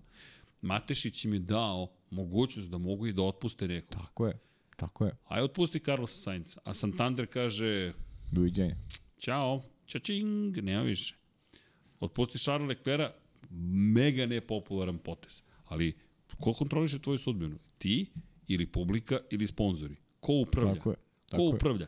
I sad Red Bull, koji osniva Red Bull Power Trains, dakle pogonske jedinice, to su i menjači, i prenosnici, i motori, i tako dalje, i tako dalje, i elektromotori. I šta radi? Kaže, mi hoćemo da imamo svoju sudbinu u svojim rukama. Dakle, za početak, mi možemo da otpustimo vozača, za, zatim, drugi korak, mi ćemo i to da uradimo ukoliko smatramo da naša vizija se poklapa sa tim potezom, to je taj potez da na duge staze donosi to što mi želimo, povlače taj potez, trka, ako pitate gospodina Zorana Živkova, pozdrav za Zokija, to je namešteno bilo da pobedi Max Verstappen, dakle, sprečili su zapravo Daniela Ricarda, dali su mu strategiju okay, koja nije. ali nisu mogli da nameste drugu ekipu. Tako znači, je, tako mogli je. su da nameste svog vozača i Tako da, je. i da nameste pobedi Max, to je okej. Kako god. Ali pobedio, pobedio ostatak sveta. Tako je.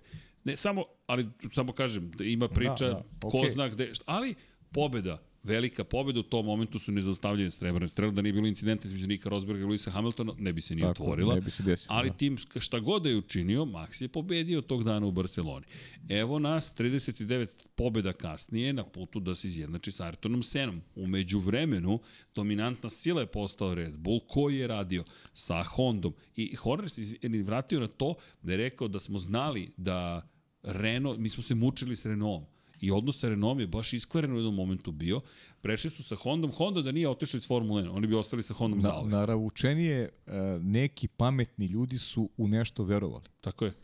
E, ti imaš Ferrari, u šta su oni verovali u prethodnih 15 godina? U istoriju. Samo to. Alonso još imao neku podršku u Ferrari. Mada i ona nije bila kao u vreme kad je Schumacher ovaj, bio u garaži. Ali su bili neki drugi ljudi. Sebastian Vettel, apsolutno bez prave podrške. Mnogo gluposti koje je tim radio, ok, pravi on greška, ali mnogo gluposti koje, koje je tim radio.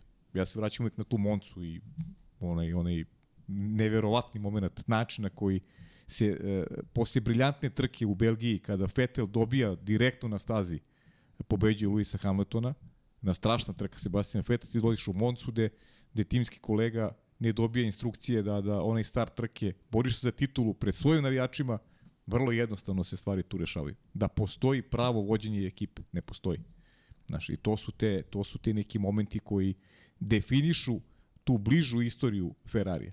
Dakle, mora imaš projekat u koji veruješ. Znači, moraš da imaš projekat u koji veruješ, Ferrari ga nema.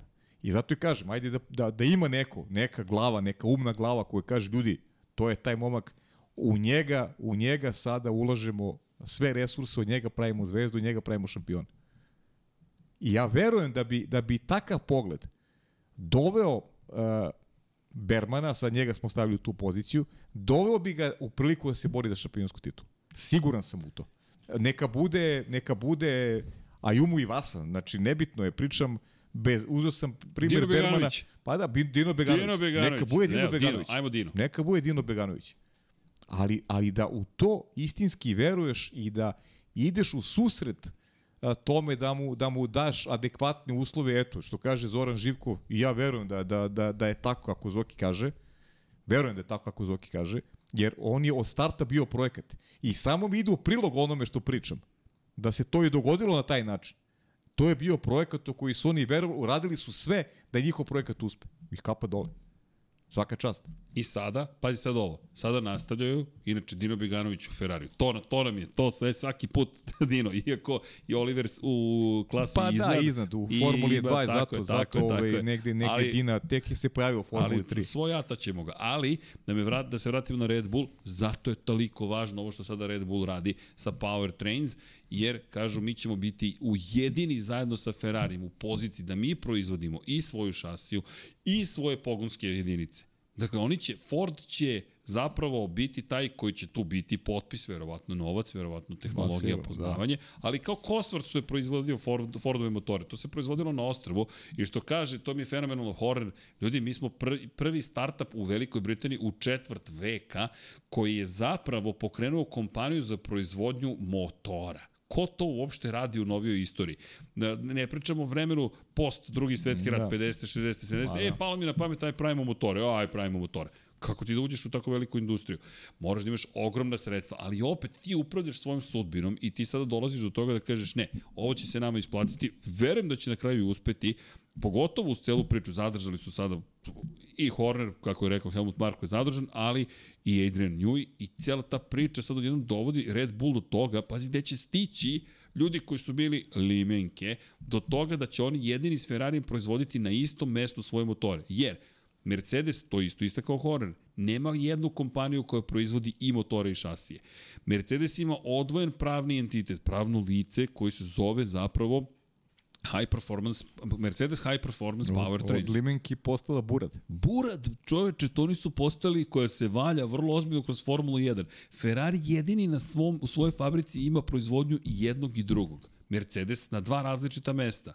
Renault, to jest Alpina, malo Francuska, malo Velika Da, da, Britanija. pa da, pa svi. Aston Martin, malo Japan, malo mm. Velika Britanija. Dakle, niko neće, dobro, Aston Martin nije u toj poziciji, dakle, svi oni koji su kao fabri, samo proizvode sami za sebe i sad će Red Bull biti tu, imaće potpis Ford, to je tek briljantno, znači potpisat ćeš se kao Ford, iako zapravo ti dobiješ od Forda i novac i tehnologiju i tako dalje, a iako kažu ništa mi od Honda nismo uzeli, samo smo kupili kompletno postrojenje, doveli, imali smo neki inženjere tu na, na podučavanju i radu i ti podlučiš neki vrlo zanimljiv potez. Ne znam, Red Bull moram priznati da, da, da izgleda fenomenalno. Obrnio kreni, Iz te počeli smo sa Red Bullom Tako i je. evo, idemo i dalje, da. Red Bull je... Ali zaslužili su. Jesu, jesu, Ko, koliko sporno. puta pričamo o Red Bullu? Pričamo uglavnom o Ferrariju, Mercedesu. Red Bull sebe dovodi u tu poziciju da zaista to postaje jedna kompanija koja To nema veze više Pa sa, oni su sa, sada, sa, oni su trenutno za koplje iznad ovih Dakle, velikih ovo je fabrika. Red Bull Racing, a pazi, ti sa svojim pogonskim jedinicama ti ćeš doći u situaciju da si ti taj koji zapravo je pa, o- iz potpuno drugog smera došao do toga da je u autoindustriji sutra. Zamisli neko, ka, kažete, izbaci hiperautomobil, Red Bull RB17. Nova generacija. Šta neće kupiti Red Bull? Šta voziš? Red Bull RB17. Okej. Novi milioneri stižu, tehnologije, itd., itd., itd., itd. Vrlo zanimljiva priča. Ali počeli smo s njima, možda možemo i da da, da, da, da, da završimo sa njima uslovno rečeno, s obzirom na činjenicu da kada je reč o vestima nije bilo nekih spektakularnih vesti, pokušavamo da pokrijemo sve, naravno da, da, Pa da da, imamo- imamo- zaokružimo priču. Imamo NASCAR ovaj, Imamo. i čestite. Čekaj. Bravo. Hvala, Čika Pajo, hvala, Pobedio si u hvala. Sonomi, svaka čast. I da kažem ljubiteljima Formula 1, čim završimo sa NASCAR-om, kratak mali izveštaj, idem do vozinka na... Tako je, da, da, da. Spremite se. Martin Truex pobedio u Sonomi. Hvala, hvala. Prava trkačka staza, uvek je ovaj, vozači vole da, da pobede na takvom mestu i lepa trka. A i što smo Lepa. pobedili, nego ko je prvi u šampionatu.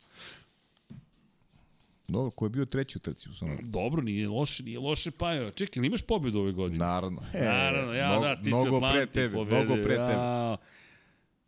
Dobro, mi smo i u Doveru slavili, tako da vidi, ona mi je druga u sezoni. Logano pobeđuje dva puta, ne zaboravi. Jednom u regularnom delu sezone i, I- u posljednjoj trci. I u posljednjoj trci. to je to, to je to.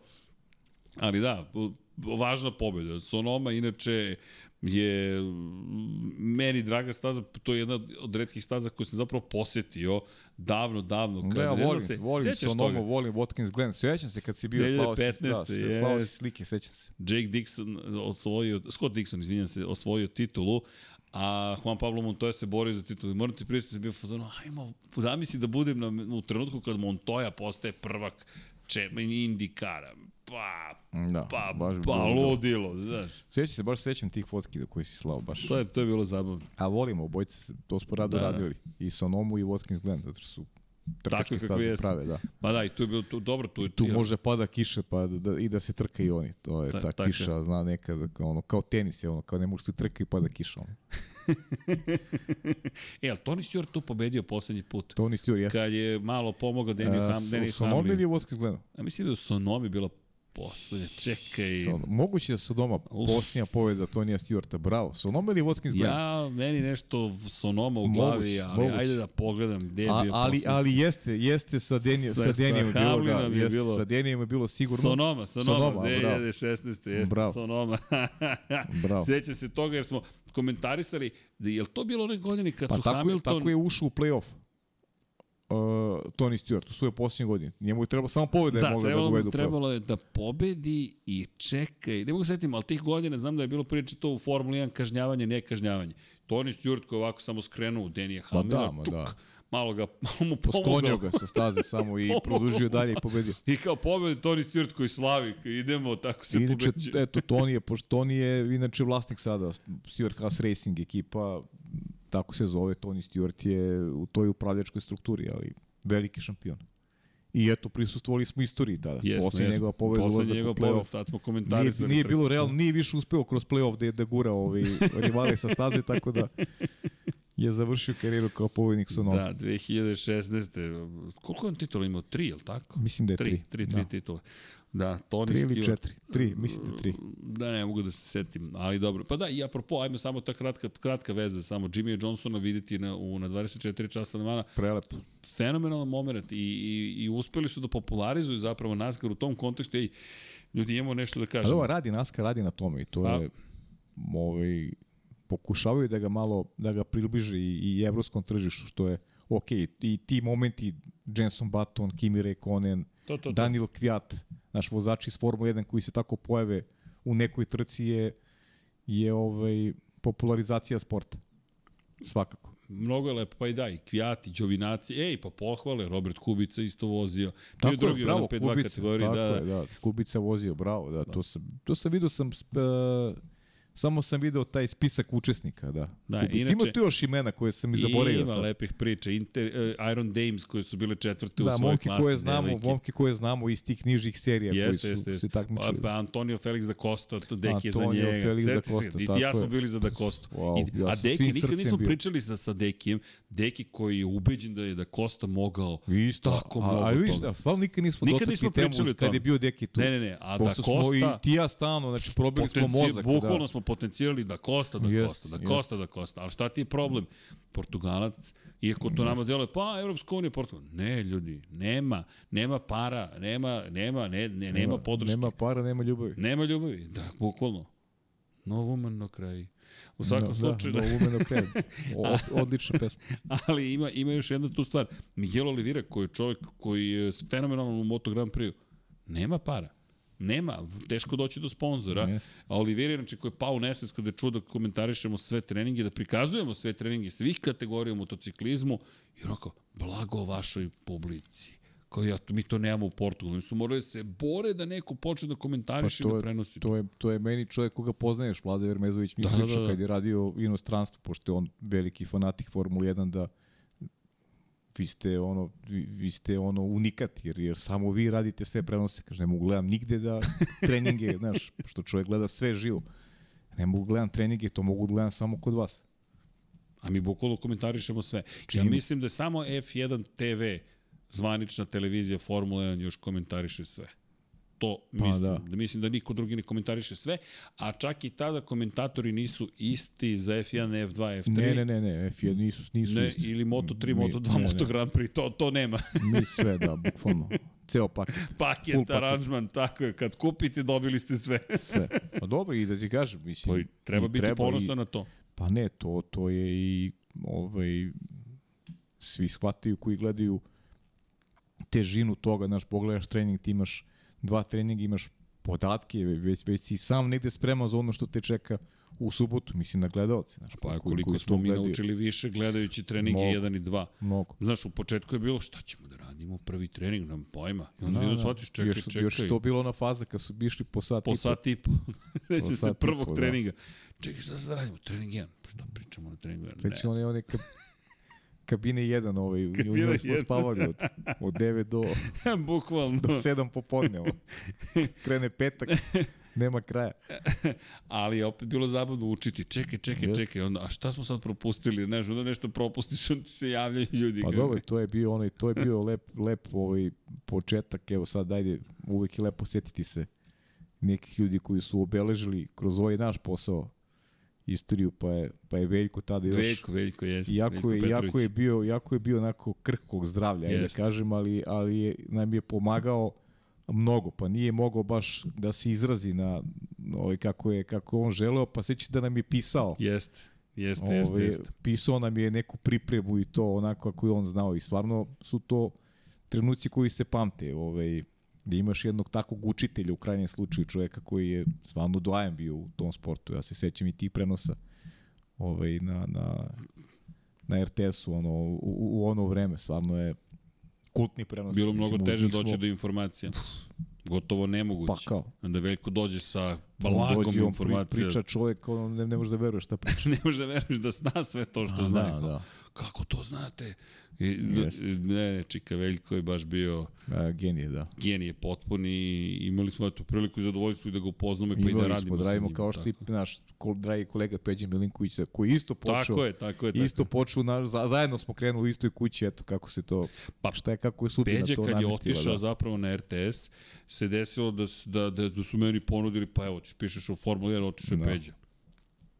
Jeste, jeste, tako, Bukvalno, tako je da, bilo, da. tako je bilo. Iako se stvarno mogu da pišeš u Formuli 1, hoću, na, naravno da hoću. Jeste. Ali, ali to, eto, to I Peđa i ja smo zajedno gledali tu, tu Da, komnu trku, tu stravičnu. Kad je 94. poginuo Ayrton Sena, da, 94. godine. Da, Peđa, pozdrav za Peđu. Peđa, koji, koji Pozdrav ako- inače ako koji je sluša. pratio i Dakar, nemojte zaboraviti Pa da, Peđa. Peđa. Točkovi Peđa je su veliki, benzinje pa u Peđa krvi, je nema tu šta. ljubitelj automotosporta, da. Jeste, jeste. To kad voliš, voliš. To nije kada završio sam s time. Ne, samo, samo zvanično se ne bavim time, ali ne, Jest. to nikad se ne Jeste, završi. jeste. Nema kraja. Da, da, to su baš lepe uspomene. Da vidiš Peđa, zaboravio sam. A Peđa isto povremeno sretnemo i kao, gde si Peđa, šta radiš? Ja ga baš dugo nisam vidio. Ja, ga, ja sam ga poslednji put se čuo kad je išao za Čile, pa sam rekao je probaj da kontaktiraš mog brata. Eto, to otprilike. Da. Ja mislim da je to. To je bila posljednja priča koju se sećam da smo nešto se dogovarali. Ali dobro.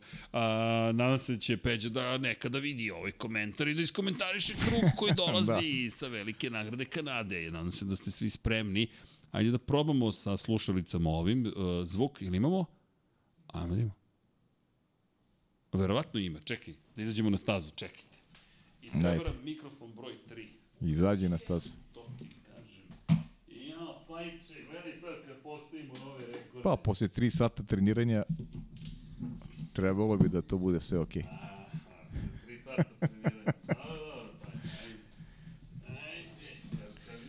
Čekaj, kad izađemo na tri, što Vratili smo, vratili smo stari petak. ti kažem, stari petak se vratio.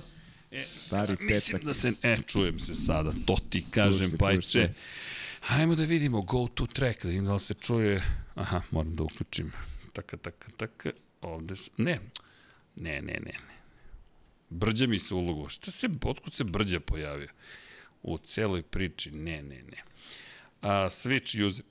Brđan je naš prijatelj, dizajner, čovjek koji je dizajnirao Lab 76. E, zvuk, znam zašto nema zvuka trenutno. Vratio je na slušalice, sad će da stigne zvuk, ali smo već naučili sound, audio output ne ide tamo, nego na TV. Evo ga. E, sad se čujemo. Ajmo, pajče nazad. Dobro. Pa sad je radila igrica. Dobro, iz početka. Ajmo.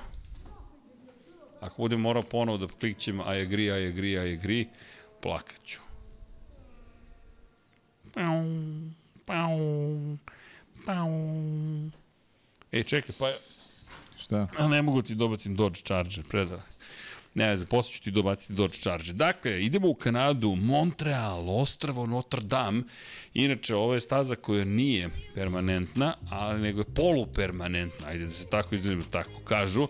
Ili ti, neki delovi su, se koriste za saobraćaj, neki koriste se samo za, kao staza, ali smatramo je de facto ulično, pošto su zidovi mnogo blizu, kao što ćete vidjeti iz moje vožnje. I staza je stani kreni, da je tako nazovemo. Brza je, kratka je, ne traje taj krug dugo. Idemo. Držite mi palčeve.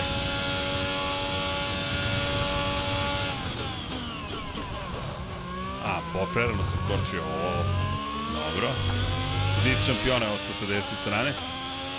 Da, da.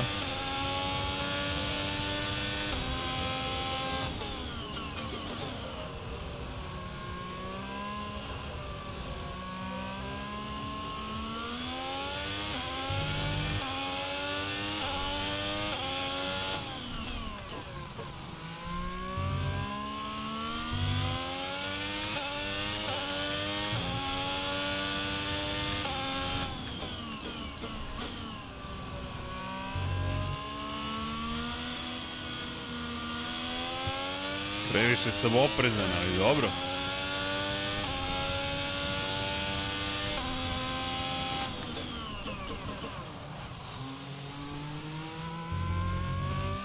Kako se isplati trening. Dobro, dobro, može bolje, ali nije loše, nije loše, a? Bolji sam nego inače. Evo, da ne dođe Deki, te testira. Uf. Dobro. Preagresivan izlaz iz ukosnice, ali dobro, dobro. Bolje nego inače, a? Da, da.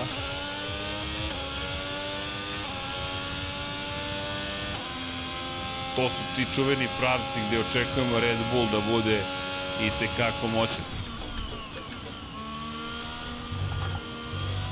Što mi poništava krug svaki put, evo malo iz šampiona.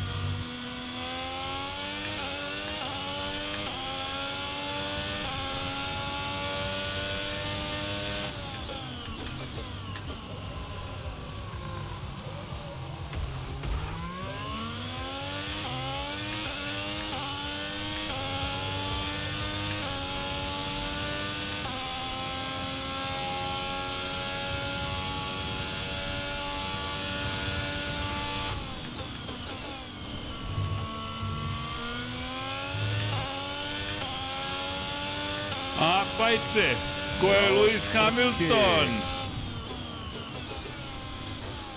Bravo Srki, bravo, bravo. Kako ti ja kažem, trening. Da, da, sat i po, a? Dobro, nisam bio loš. Malo sam se sad, sad sam bio malo agresivan, ali čekaj, moram da probam još jedan krug. U, zadovoljan sam.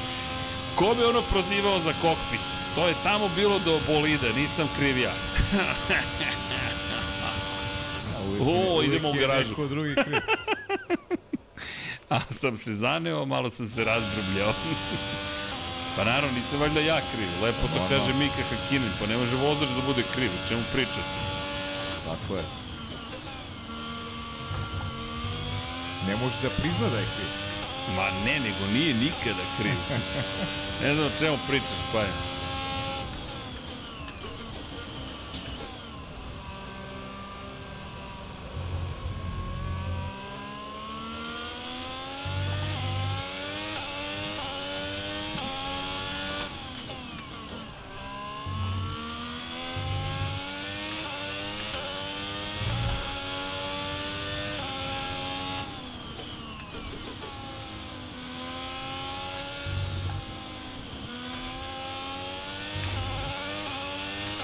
Sam sebi pobegao, dobro.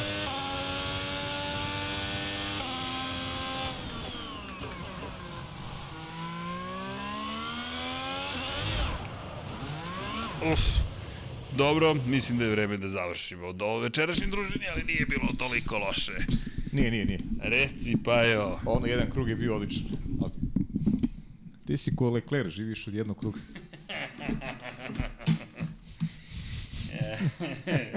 hvala, hvala čika. Hvala, hvala. Hvala, ako nisam sad dobio barem jedan like, kada ću. A, kad smo već kod toga, kliknite like. Obavezno.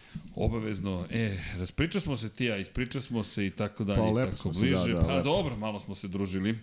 Da. Ne znam da li ima nekih pitanja. Srki, otkri zašto si gledao taj meč, pričao si treba je Nole da dođe u garažu Valentina Rossi, jer pod uslovom da pobedi na meču.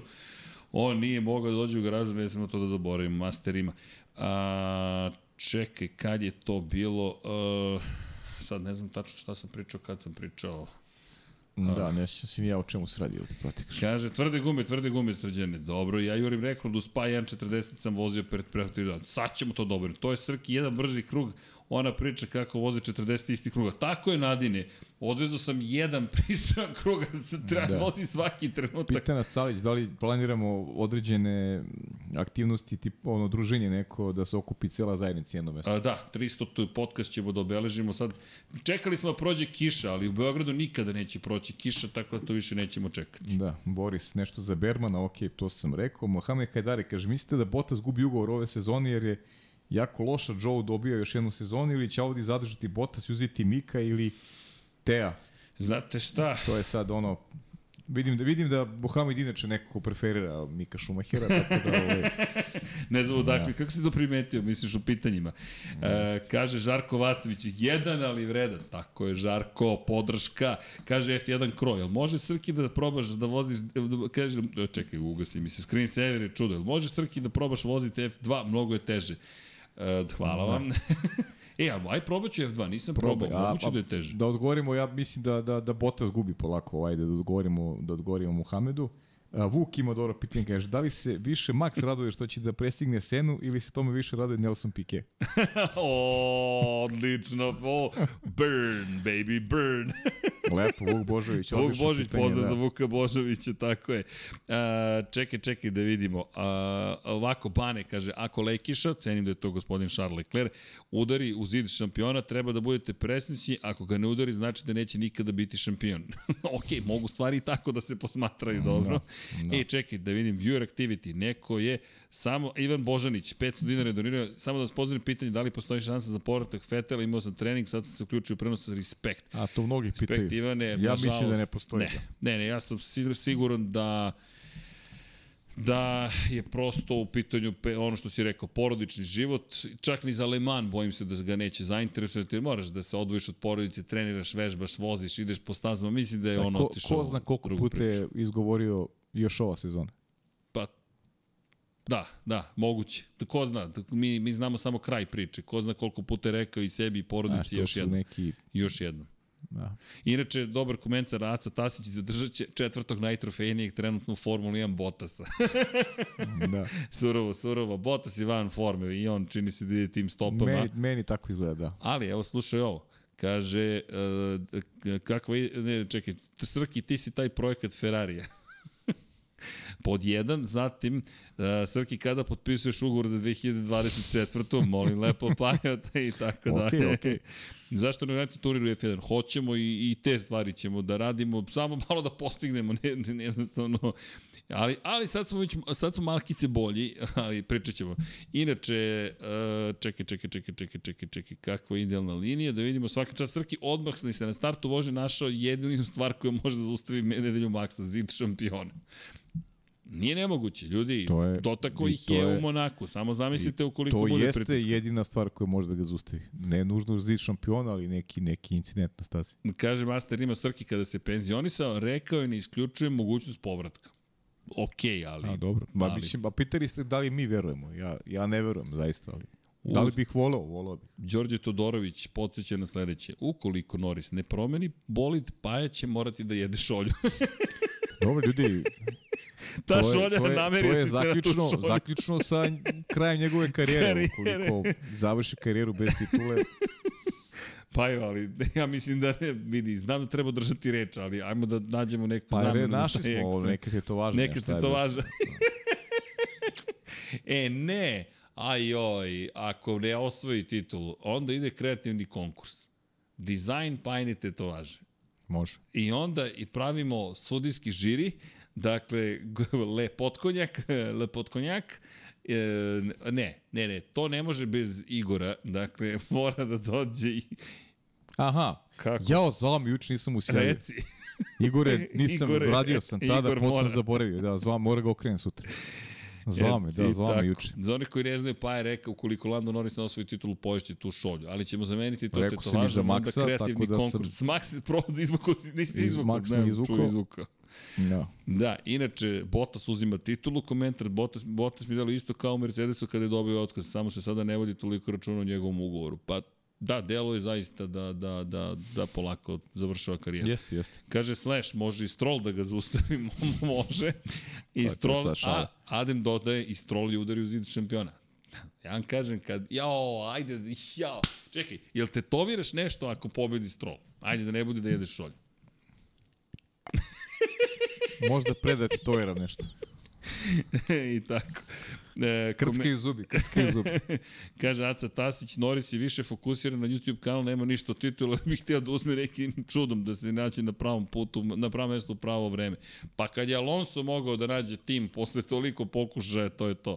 Kaže Tjera, tetovira i Latifija. Ok, volim vašu kreativno. Pajo, ne provociri sudbinu, Dragoljub Katić kaže. Pa je toliko puta plesao sa sudbinom, niste svesni. Ceo život. Ceo život. uh, da vidimo, ima ovde su dosta priče, idi vozi Srki, da možda si ti taj projekat, dokazao sam da jesam, ta, tako je. Srki je projekat svakako. Tako, Srđan Erceg je strolovao ovaj podcast ko, ko reditelj Monako 2021. Odličan komentar. A, kaže, Srki bi bolje vozio Haas 2021. nego Mazepin. Molim, ne znam da li je to kompliment, ali, ali hvala, prihvatit ću ga. Eto, prilike se setimo Mazepina. Kaže, pa je da istetovira oblik staze Monaka. Pa to čak i dobro te to važe. što pobedio sam na Monaku? da. Joe je pocenjen, vozač ne udara bolid, ima neku konstantnu rezultata što je, e, što, što, pa to se ono što si ti spomenuo, tebi Joe zapravo je bolji od Cunode i da te Meni više da. impresionirao. Meni da. Da. A, Muđela Ravijata kaže, Max treba... I bio mi je bolji u dvojci još. A, da, da, to si, to si pričao prošlog, pre, pre, pretprošlog puta. Mm. I ne kaže, kaže Muđela Rabijata 12, Max treba Latifije da istetovira. I, i, ima, ima, ima, ima više, više logike ima, ima tu, istine. Daš, tako je. Kaže, ja ću pojesti stolicu ako Srki ne osvoji titulu Steven Gine. ok, vidim da se bližimo ponući. Da. Slažem se, John i uopšte ovo, možda bi Đevinaci bio bolji Alfi sada od Bottasa. Pa da, ko zna, ta pobjeda na Lemanu možda negde vrati Đovinaciju ne, neki tak. prostor. Vidjet ćemo, vidjet ćemo, vrlo veliko pitanje. E, inače, kada pričamo o Đovinaciju, mnogo je velik uspeh koji je stvario Antonio i mnogo mi je drago da, da nekako Ne, I meni je drago za Giovinazzi da, baš. Ne poznajemo ga, ali znaš koje su meni uspomene, ne, ne, ne toliko Formula 1, sama njegova vožnja, ali jedna bitna stvar, njegov napredak kroz Formulu 1 i, i te formu kako je podizao, to je, to je impresivno. još zapaženi Kimi. Tako je. Zapaženi Kimi, Kimi koji je bio predan timu i imao je tu, tu sreću u Giovinazzi da, da sa njim deli, da s njim deli garažu. I, I Kimi se tu jako lepo, mislim, Jeste. I Kimi e, se postavio. Mi... Kimi je Kimi, to je to. Ne, nemaš, nemaš da imaš boljeg timskog kolegu u tom momentu od Kimi. Od Kimi. U tom momentu ne. Ja. I pritom njihove priče iz promotivnih kadrova kada voze automo, kada Kimi da, vozi automobil, ma da, ma da. pa krene da, da, da koči, da ulazi u krivinu brže nego a, a, a, a, a Đovinacije. Kimi, Kimi, Kimi, Kimi, Kimi, Kimi. Antonio, šta ti je? Šta si se upusti? Opusti se i budi napet. Inače, Kimi, kad, kad vozi, vozi, ups, šta, šta znači ups? Kimi, kimi, kimi, kimi, kimi, kimi. Antonio da. Đovinac. Lepa, lepa, lepa baš, priča. baš lepa i lepa pobeda ovo, baš mi, baš mi drago. Kaže... Ali ipak Italijan u Formuli 1 Gabriele Mini. Da, da, da, vrlo verovatno. Vrlo verovatno. Kaže, inače, master, imam ja predlog Srki, časti ako ne osvoji titulu u Formuli 1, Srki kada častiš? da, pa to je najlakši način. Samo vi svratite do nas. Um, Ko nije pogledao, neka pogleda kako Kimi vozi Đovinacija po Nürburgringu. Ta, to, je, to, to, to, to, to, to je to upravo. Ta, to, to, je, to je upravo. Koji vozač kada bi se seo, kada bi sada seo Red Bull osvoji titulu? Izuzimam vozače Ferrari kako, i Mercedes. Kako, kako? Koji vozač kada bi seo sada u Red Bull bi osvojio titulu? Izuzimam vozače Ferrari i Mercedesa, pa ju ne pitam za njega, znam šta će reći. to je pitanje za mene, pa Norris isto. Dakle, ja duboko verujem, pošto Russell je ispao kao vozač Mercedesa, Norris je deo te ekipe I, ja mislim samo Norris. Uh, da, Albon je brz, ali ja mislim da je Norris taj koji bi imao taj neophodni gotovo bezobrazluk da osvoji titulu. To, to, to, se 100% slažem sa tom. Super ste, ubiste mi 3 sata na poslu Zoran Mladenović. Pozdrav Zoki. Zoki. Neka, neka koristi od nas. Najmanje što možemo da uradimo. ja, jel McLaren ima neku mogućnost? Hvala da... i drugi put. uh, udrite like.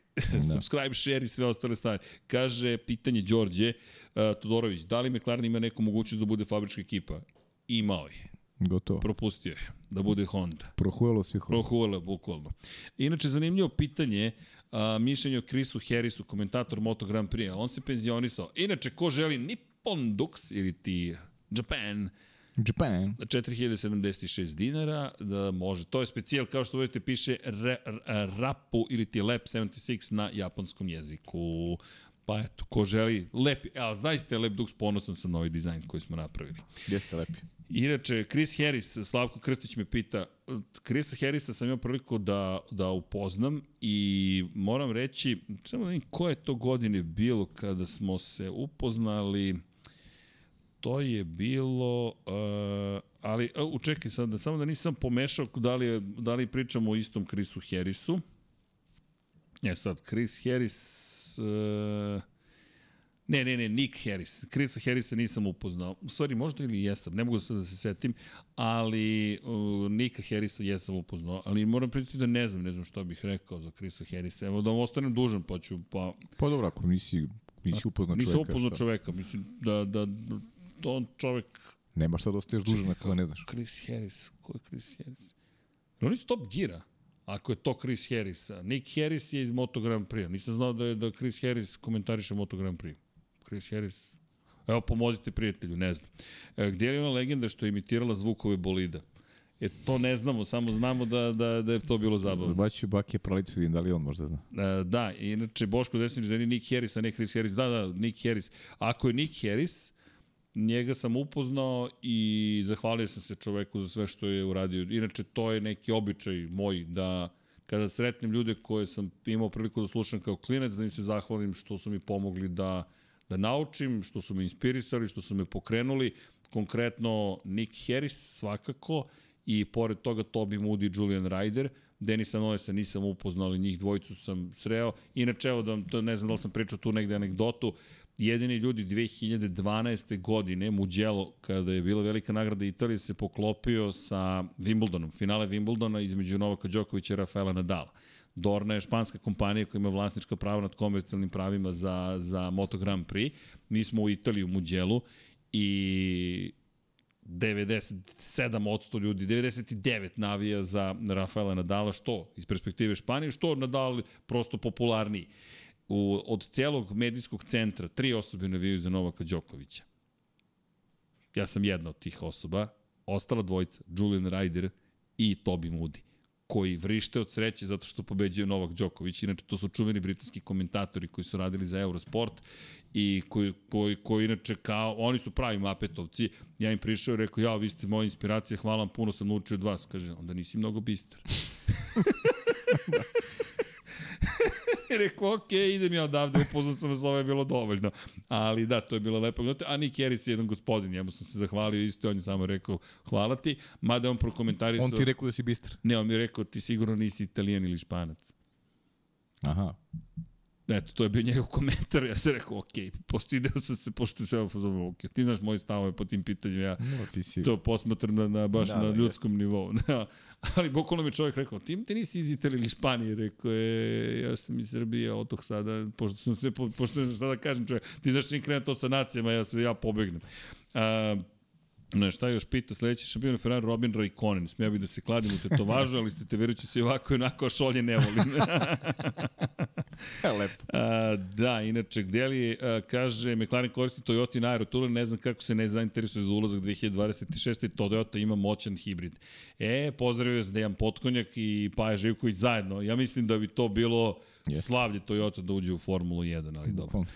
A, uh, Nick Harris, Slavko Krstić, ne nema što se izvinjavate, nema tu, Ma, da, samo da se razumemo. Okay. Da li mislite da bi, ups, bila dobra dobra, gledanost dobra, IndyCar, Superbike na SK, pa možemo samo da verujemo, ne znamo, zaista, jedino što ne znam, ovaj, gde bi, kako bi se sve to uklopilo i gde i kada ali za 2025. i 26. biće četiri mesta više u gridu, sigurno je bar tako rekao Da, da, da, to sam zaboravio. Stefano Domenicali je rekao da želi 12 timova od 2026.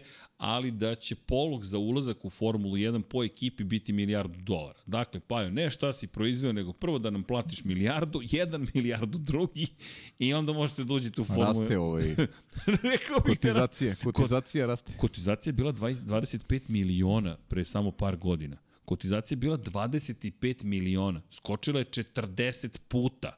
Pa poskupili jabuke. poskupila jabuke, ali čekaj. Znaš kao bila 25 miliona. E, mi skupili 25 miliona.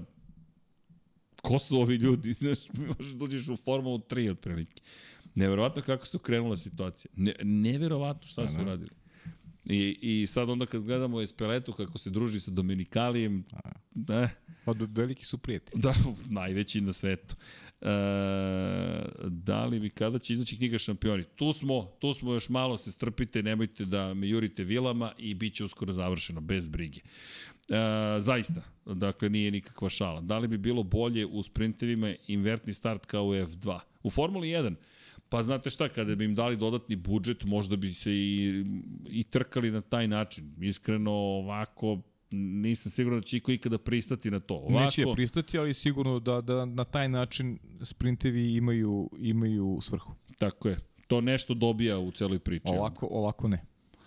Uh, šta još imamo? Uh, čuveni Veljko Petrović jeste čuveni Veljko Petrović. Da. Jedno memorijsko pitanje. Ko je vozio za Williams 2012. dva vozača? Evo ja, mi znamo obojicu. Pastor Maldonado, Maldonado pobedio, pobedio, a tako Bruno Sena je izbušio bolid Sebastiana Vettel u Brazilu. Ali ga nije zaustavio kao osvajanju šampionske titule, dobacuju Ferrari i navijači ovde. Ja se nadam da smo odgovorili uspešno na vaše postavljeno pitanje. Ovo pitanje. Stvarno. Šalim se naravno što kad bace neko pitanje koje nema. Ne, a morate, iskreno, setio bi se Bruna, ali ne, ne, ne na Keca. Pastor Maldonado je naravno asocijacija za, za, za tada, za to ona pobeda fenomenalna i, i onaj požar u garaži nakon toga, to je nešto se, što se pamti. Um, e, pa da, Bruno Sena nažalost nije ostavio ta, Nije, nije. takav trag. Realno nije. Šteta, ali dobro. Lepo je le, le, lepo je bilo videti ga i, i, gleda, i izgovarati to prezime. Gde ste ljudi? Pozdravo Dejva. Vladidov Dejv, gde ste Patreone naš dragi? E, Pozdrav za, za sve, za sve dobre ljude, za sve ljude generalno, a gospodin Vladidov Dejv, i koliko puta sam izgovorio vaše ime. Ali, a, a, Almir Vuk je bio, Almir Vuk, Almir Vuk. Je li pisao čovjek? Naravno. Tako je, Almire. Pa zamislite da bismo mi zaboravili. Ima story na Instagramu. Ja sam, ja sam okačio već. Nisam još uzeo telefon u ruke, ali nema veze. E, preće se Peugeot vratiti u Formulu 1 nego Toyota. Pa da znate kako... Preći, gospod- preći jugo u Formuli 1. Bukvalno, McLaren, BMW, uf, Đorđe, bilo bi to lepo, ali... Almir Rokić, da li bi bilo bolje za F1 da nije došla nova era da se nastavila sa sezonom 2021? Pa, znate šta? Kako, kako, kako? Da se nastavila sezona 2021 po tim pravilima da se dalje vozi. Aha.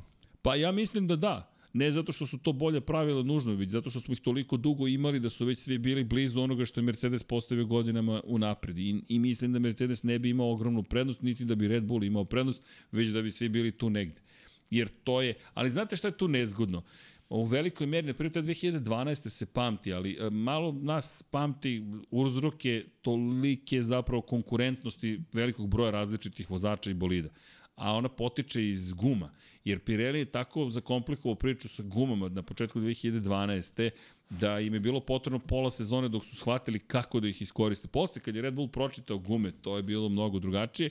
I drugo, Alonso imao ta dva velika incidenta. Prvo Roman Grosjean u Belgiji i potom s Kimi Raikkonenom u Suzuki. To se zaboravlja ponekad. F1 nikad gore iz mog ugla, opet toliki bum izaziva neverovatno. Ah, Stevie G, to vam je, ne znam, ne znam kako bih vam pisao, nas dvojice smo zaljubljenici. Proži, pro, mi smo prošli eru Sebastiana Vettela, Luisa Hamiltona, sada prolazimo eru Maxa Verstappena. Mi smo eksperti za ere i dalje smo ostali zaljubljeni u Formulu 1 i reći ću vam još nešto, možda smo svi mi zapravo poput navijača Ferrarija. Provedeš deceniju čekajući, ali kad dočekaš, znaš zašto si čekao. Ne znam. A možda smo ono što Paja kaže. Dođe jedna trka, nije ni bitno šta se dešavalo pre ili posle. Pa Samo ta trka da bude dobra. Tako treba postaviti stvari, definitivno.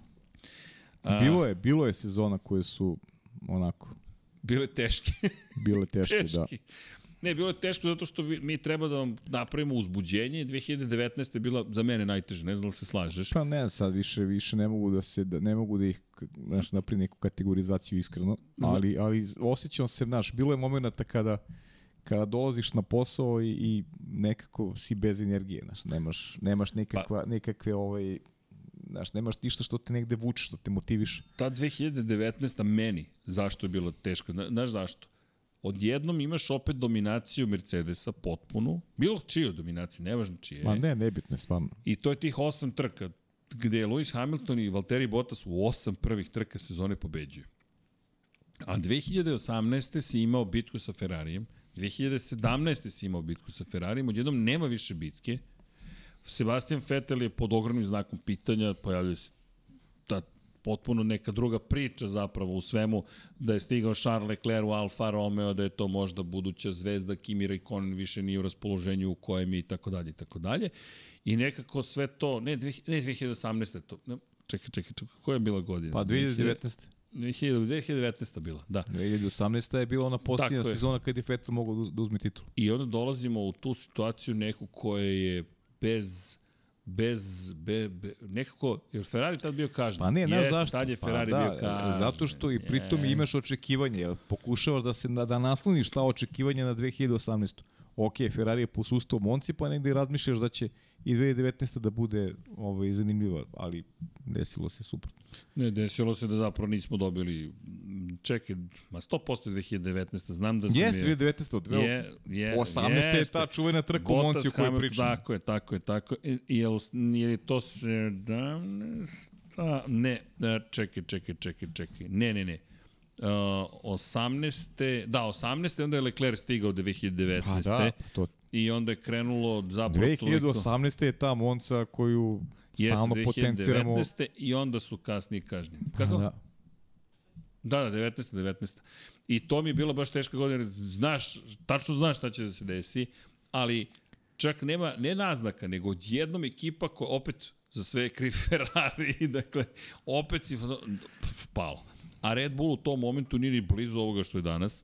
Dakle, niko, jer Red Bull u tom momentu traži nove motore, Znaš pokuša kako, da se uklopi, tako sve se pravi, sve je urađeno da, da imamo, imamo taj, taj neki ovaj, model, rekao si koliko to sad već novca u opticaju, koliko se para vrti, a neka suština cele priče je da treba ovaj, napraviti takmičenje koje je neko jednačenije, koje, koje ti daje tu, tu vrstu prvo rekli smo šta je ključno, ti, ti bolidi koji su sada i, i teži i veći i, i mnogo, mnogo se teži, mada smo eto i bili u par trka ovde i, i, i lepih akcija na stazi. Vidjet ćemo šta će, šta donosi ta nova era od 2026. Nadamo se da neće, da neće jedna ekipa ponovo postaviti neke standarde koji će drugi juriti, već će onako savladati gradivo više njih pa, pa dobijemo ovaj, onako u, u serijama što se kaže sezone koje koje će da plene ovaj vrhunsko zabavu. I nije bilo tako davno kada smo imali i četiri vozača u konkurenciji za osvajanje šampionske titule. To je sad koja je 2010. godina recimo. Jest. Tako da ja se nadam da će ta vremena da se vrate. Pa neko periodično kao kao u svakom sportu, znaš, ti imaš i i Bundesliga je jaka liga, ali šampion isti 11 godina. Što je to možda ne, ne donosi imidžu lige tu neku, ali, ali je ona i praćena, puni stadion i to ti je Od trke do trke. Formuli 1 nemaš tu dominaciju da neko da je neko šampion 11 godina, znaš, nemaš tu vrstu, ali nemaš. Problem je što što se ne, znaš, nemaš ekipe koji su u kontinuitetu na nekom na nekom vrhunskom nivou. Nema problema, mi to volimo, ne, ne, ja, vi to volite. Ne, pa to, to, to, to je, kraj. suština. Ili, ili to voliš, ili, znaš, voliš u svakoj opciji. I to je to. Ma Možda svi smo ti... navučeni na Formulu 1. Da, Zašto je toliko da. tražena popularna?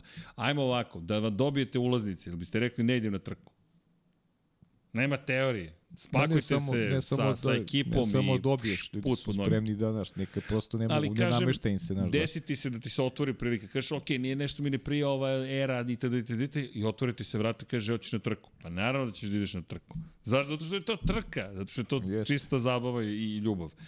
I sad ću pokušati da stanem. Zato što u suprotnom ćemo završiti u, Moto Grand Prix podcastu, ali, dragi ljudi, nadam se da ste uživali, mi svakako jesmo. Mi ćemo vas pozdraviti još jednom ime cijele ekipe Lab 76 Infinity Lighthouse-a i poželiti vam jednu lepu noć. Naravno, pozvaćemo vas da kliknete like, subscribe, share i sve ostale lepe stvari. patreon.com kroz Infinity Lighthouse. Podrška nam znači, ljudi, nije šala, zaista nam znači, vi nam pomažete da i dalje postojimo, da guramo, da idemo dalje, da se unapređujemo. S druge strane, join takođe možete da kliknete. shop.infinitylighthouse.com je najbolja opcija, s obzirom na činjenicu da i vi dobijate zaista ne samo na emotivnim nivou, jer kada kupite knjigu, na primjer, nešto, stići će knjiga, nemojte da brinete, onda je to nekako lep moment. Inače, fotografija je na prodaju ova iza mene, to je Sebastian Vettel upravo u Monte Carlo i ide u dobrotvorne svrhe, dakle sav profit ide zapravo i u dobrotvorne svrhe. Neću da kažem za koga ide, zato što nemamo ugovor sa tom fondacijom koja traži da bude ugovorena da bi smjela da se koristi njihovo ime, s obzirom na je bilo dosta zloupotreba, ali mi ćemo, kada budemo dali te pare, vam reći, evo, to, njima smo dali pare, to su rekli da smemo da učinimo, ali mi vas pozivamo da inače budete dobri da pomognete i ako možete da pošaljete dve poruke, jedna je 1492, a druga je 1503, ako sam je dobro zapamtio. Jedna je za Jovanu, koja se bori za svoj život, druga je za Martina, koji se takođe bori za život, 1503, oprostite. Martin je jedno detence, Jovana je jedna mlada, divna devojka i oboje se bore protiv opakih bolesti i potrebna im je naša pomoć. Na 30-30 ukoliko možete pošaljete poruku, 200 dinara je poruka, ne naplaćuje se PDV i znači će njima pre svega, nije važno da li nama znači, nama svakako znači, ali pojenta je da se svi držimo zajedno i da pokušamo da pomognemo i nekako da, da, da, da budemo humani, da dajemo nadu u, u, u jel te, bolje sutra, iz naše perspektive, ove naše mikronade da će biti bolje trkanje, deluje tako malo u odnosu na ove baš, baš velike stvari, ali ljudi, ovo je sve iracionalnost, eskapizam, pa nije ni eskapizam, prosto ovo je čista strast, a emocije su iracionalne, tako da uživajte u Formuli 1, nadam se da će biti lepa trka, Lance Stroll će pobediti. I iz te perspektive, uz te reči, ćemo pozdraviti naše Patreone i naše, naravno, članove na YouTube-u. Ljudi, želimo vam lako noć i ne brinite, vratit ćemo se za koliko? 7 minuta i 20 sekundi, tako da imate vremena da oslušate neku pesmu, čak i Iron Maiden sa nekih od ranih albuma koje dugo traju, a mi ćemo i dalje biti tu. Dakle, hvala svima koji nas podržavate. Milan Kića, konkretno, Dragan Nikolovski, Miloš Vuletić, Nikola E, Stevan Zekanović, Matej Sopta, Mario Jelena Komšić, Marko Petrekanović, Lazar Hristov, Kovačević, Omer, Denis Špoljarić, Andreja, Predrag Pižurica, Miroslav Cvetić, Nenad Pantević, Boris Golubar, Ivan Maja Stanković, Ivan Ciger, Đorđe Radojević, Jasmina Pešić, Branimir Kovačev, Luka, Ivana, Mirjana Živković, Darko Trajković, Aleksandar, Ognjen Grgur, Đorđe Andrić, Vlada Ivanović, Đole Bronkos, Marko Marković, Đole Cheesehead, Jeca N. Stefan, Kristijan Šestak, Jelena Jeremić, Jasenko Samarčić, Ognjen Marinković, Miloš Todorov, Neđo Mališić, Đurđica Martinović, Boris Gvozden, Martin Gašpar, Morit Borislav Ivanović, Salim Okanović, Marin Antunović, Živojin Petković, Aleksandar Mitrović, Daniel Kolobarić, Bojan Markov, Dejan Đokić, Stefan Ličina, Nikola Božinović, Marko Ćurčić, Alen Vuletić, Dušan Ristić, Ferenc Lastofi, Crnogorski džedaj, Ivan Panajotović, Boris Ercin, Sava Dugi, Zoltan Mezej, Ivica, Anonimus Donatorus, Bojan Majstorović, Marko Blagojević, Andrija Todorović, Daniela Ilić, Stefan Radosavljević, Ivan, Stefan Dulić, Vukašin Vučenović, Emir Mešić, Stefan Janković, Vučinić Miroslav, Vladimir Stojadinov, Aleksa Vučaj, Strahinja Blagojević, Borislav Vukojević, Bata Brada, Stefan Vidić, Laslo Boroš, Anonimus Donatorus, Milan Paunović, Bahter Abdurmanov, Aleksandar Milosavljević, Aleksa Valter, Saša Ramisavljević, Matija Binoto, Dejan Vujović, Vladan Miladinović, Miloš Rašić, Marko Bogavac, Inzulin 13, Milan, Aleksa Lilić, Matija Rajić, Safet Isljami, Toni Ruščić, Srđan Sivić, Vladimir Jovanović, Novak Tomić, Branislav Kovačević, Zoran Šalamun, Andreja Branković, Stefan Prijović, Petar Relić, Vladimir Filipović, Bojan Mijatović, Aleksandar Bobić, Dragan Matić, Branimir Rijevec, Vladimir Mutić, Dimitrije Mišić, Branislav Milošević, Miloš Banduka, Armin, Vamblisapa, Katarina, Dušan Delić, Nemanja Jeremić, Marko Horg, Vanja Radulović, Marko Mostarac, Nemanja Zagorac, Jelena Mak, Bojan Bogdanović, Ljubo Đurović, Šmele, Mladen Mladenović, Danka, Milan Apro, Miloš Radovsadjević, LFC, Ivan Rebac, Armin Durgut, Mladen Krstić, Vladimir Uskoković, Anonimus Donatorus, Josip Kovačić, Mario Vidović, Nebojša Živanović, da žena ne sazna, Ivan Milatović, Goša 46, Ivan Simeunović, Stefan Vuletić, Lazar Pejović, Ertan Prelić, Marko Kostić, Zlatko Vasić, Đole QB4, Stefan Nedeljković, Igor Gašparević, Vukašin Jekić, Mihovil Stamičar, Dorijan Kablar, Stefan Lešnjak, Žorž, Nedo Lepanović, Lufonac, Luka Maritašević, Igor Jankovski, Miloš Broćeta, Nemanja Miloradović, Aleksandar Anđelić, Zoran Majdov, Renata Neš, Aleksa Jelić, Aleksandar Banovac, Boris Kujundžić, Sean King, Igor Vučković, Marko Kozić, Klara Gašpar, Đerman, Lj. Đurović, Marko Radanović, Pavle Nj, Marina Mihajlović, Vladidov Dave, Branko Bisački, Optimistik, Josh Allen Fan, Gloria Edson, Nikola Marinković, Luka Martinović, Predrag Simić, Milan Nešković, Tijana Vidanović, Mirina Kovačević, Kimi Rajkonen, Klub štovatelja Rabona Mireza, Vuk Korać, Ivan Toškov, Stevan Milošević, Stefan Milošević, Dejan Avić, Petar Nujić, Filip, Ante Primorac, Grgo Živaljić, Nedim Drljević, Branislav Marković, Jugoslav Krasnić, Branislav Dević, Monika Erceg, Aleksandar Jurić, Džigi Bao, Nikola Stojanović, Nenad Đorđević, Nemanja Labović, Žarko Milić, Jelena Veljković, Ružica Stefanović, Đorđe Đukić, Benđo KK, Antonio Novak, Mlađan Antić, Damjan Venjanovski, Andreja Miladinović, Alen Stojičić, Mihajlo Krgović, Nemanja, Sead Šantić, Bogdan Uzelac, Zorana Vidić, Nedim, Luka Klaso, Ognjen Gurjanović, Zoran Cimeša, Nenad Simić, Borko Božunović, Lukas, Ivan Rečević, Andrej Božo, Nikola Milosavljević, Nenad Ivić, Vojin Kostić, Milan Ristić, Aleksandar Antonović, Deus Nikola, Jugoslav Ilić, Stefan Stanković, Ivan Maksimović, Aleksandar Radivojša, Jovan Đodan, Andrej Bicek, Aca Tizla, Milan Milašević, Veselin Vukićević, Đorđe Milanović, Din Stero, Aleksandar P, Bojan Stanković, Resničanin, Toleador, Miljana Milutinović, Milorad Reljić, Josip Buljovčić, Škundra, Nikola Kojić, Tatjana Lemajić, Vladan Miladinović, Marakos, Kosta Berić, Uroš Ćosić, Ivan Vincetić, Miloš Zed, LFC, Ada Sokolović, Marko Bogavac, Oliver Nikolić, Toni Soni 76, Ivana Vesković, Drago Veković, Blagoj Arčevski, Vladimir Subotić, Krorobi 00, Ujo, Mateja Nenadović, Nemanja Miloradović, Bruno Jurić, Ivan Vujasinović, Marina, Nikola Vulović, Nikola Niksi, Jelena Jeremić, Alen Jesenović, Bojan Markov, Milanka Marunić, Omer Sarajlić,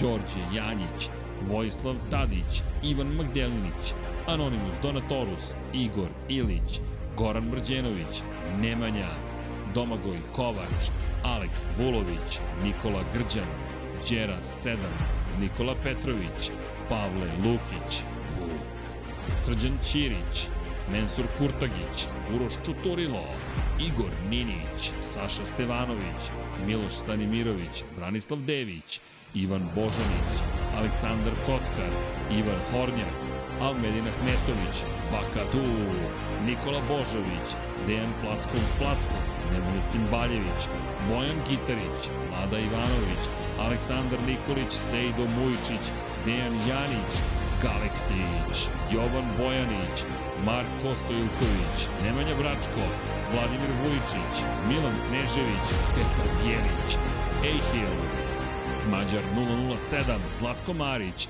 Žiksi, Maxi, korespondent, korespondent, da li je bio Almir Vuk? To je ono što mene zanima. Ako nije, Almir Vuk, Almir, Almir Vuk, Vuk. Almir Vuk, tako da znate. Dobre, danas smo, Almir Vuk je junak ove, ove priče. Danas da, u potpisima da ide. Potpis slučaju, Almir Vuk, da. Almire, veliki pozdrav svima vama, šaljemo mnogo ljubavi, sreće i zdravlja. Želimo vam lepo veče koje je sa nama uživo, ko je u snimku, gde god da ste, šta god radite ljudi, želimo vam samo da vam je lepo, uživajte u Formuli 1, da vidimo da li će Max Verstappen zaista do 41. Red Bull do 100. ili ćemo gledati neko čudo. Kako god pogledate, bit ćemo sa vama i sledećeg utorka. Tako je. Pozdravljam se ekipa Lab 76 Infinite Connect Nosa Pajo. Hoćemo na, na, četir, na 41, a? 41. Hajmo. 41. Ćao, Ćao svima. svima.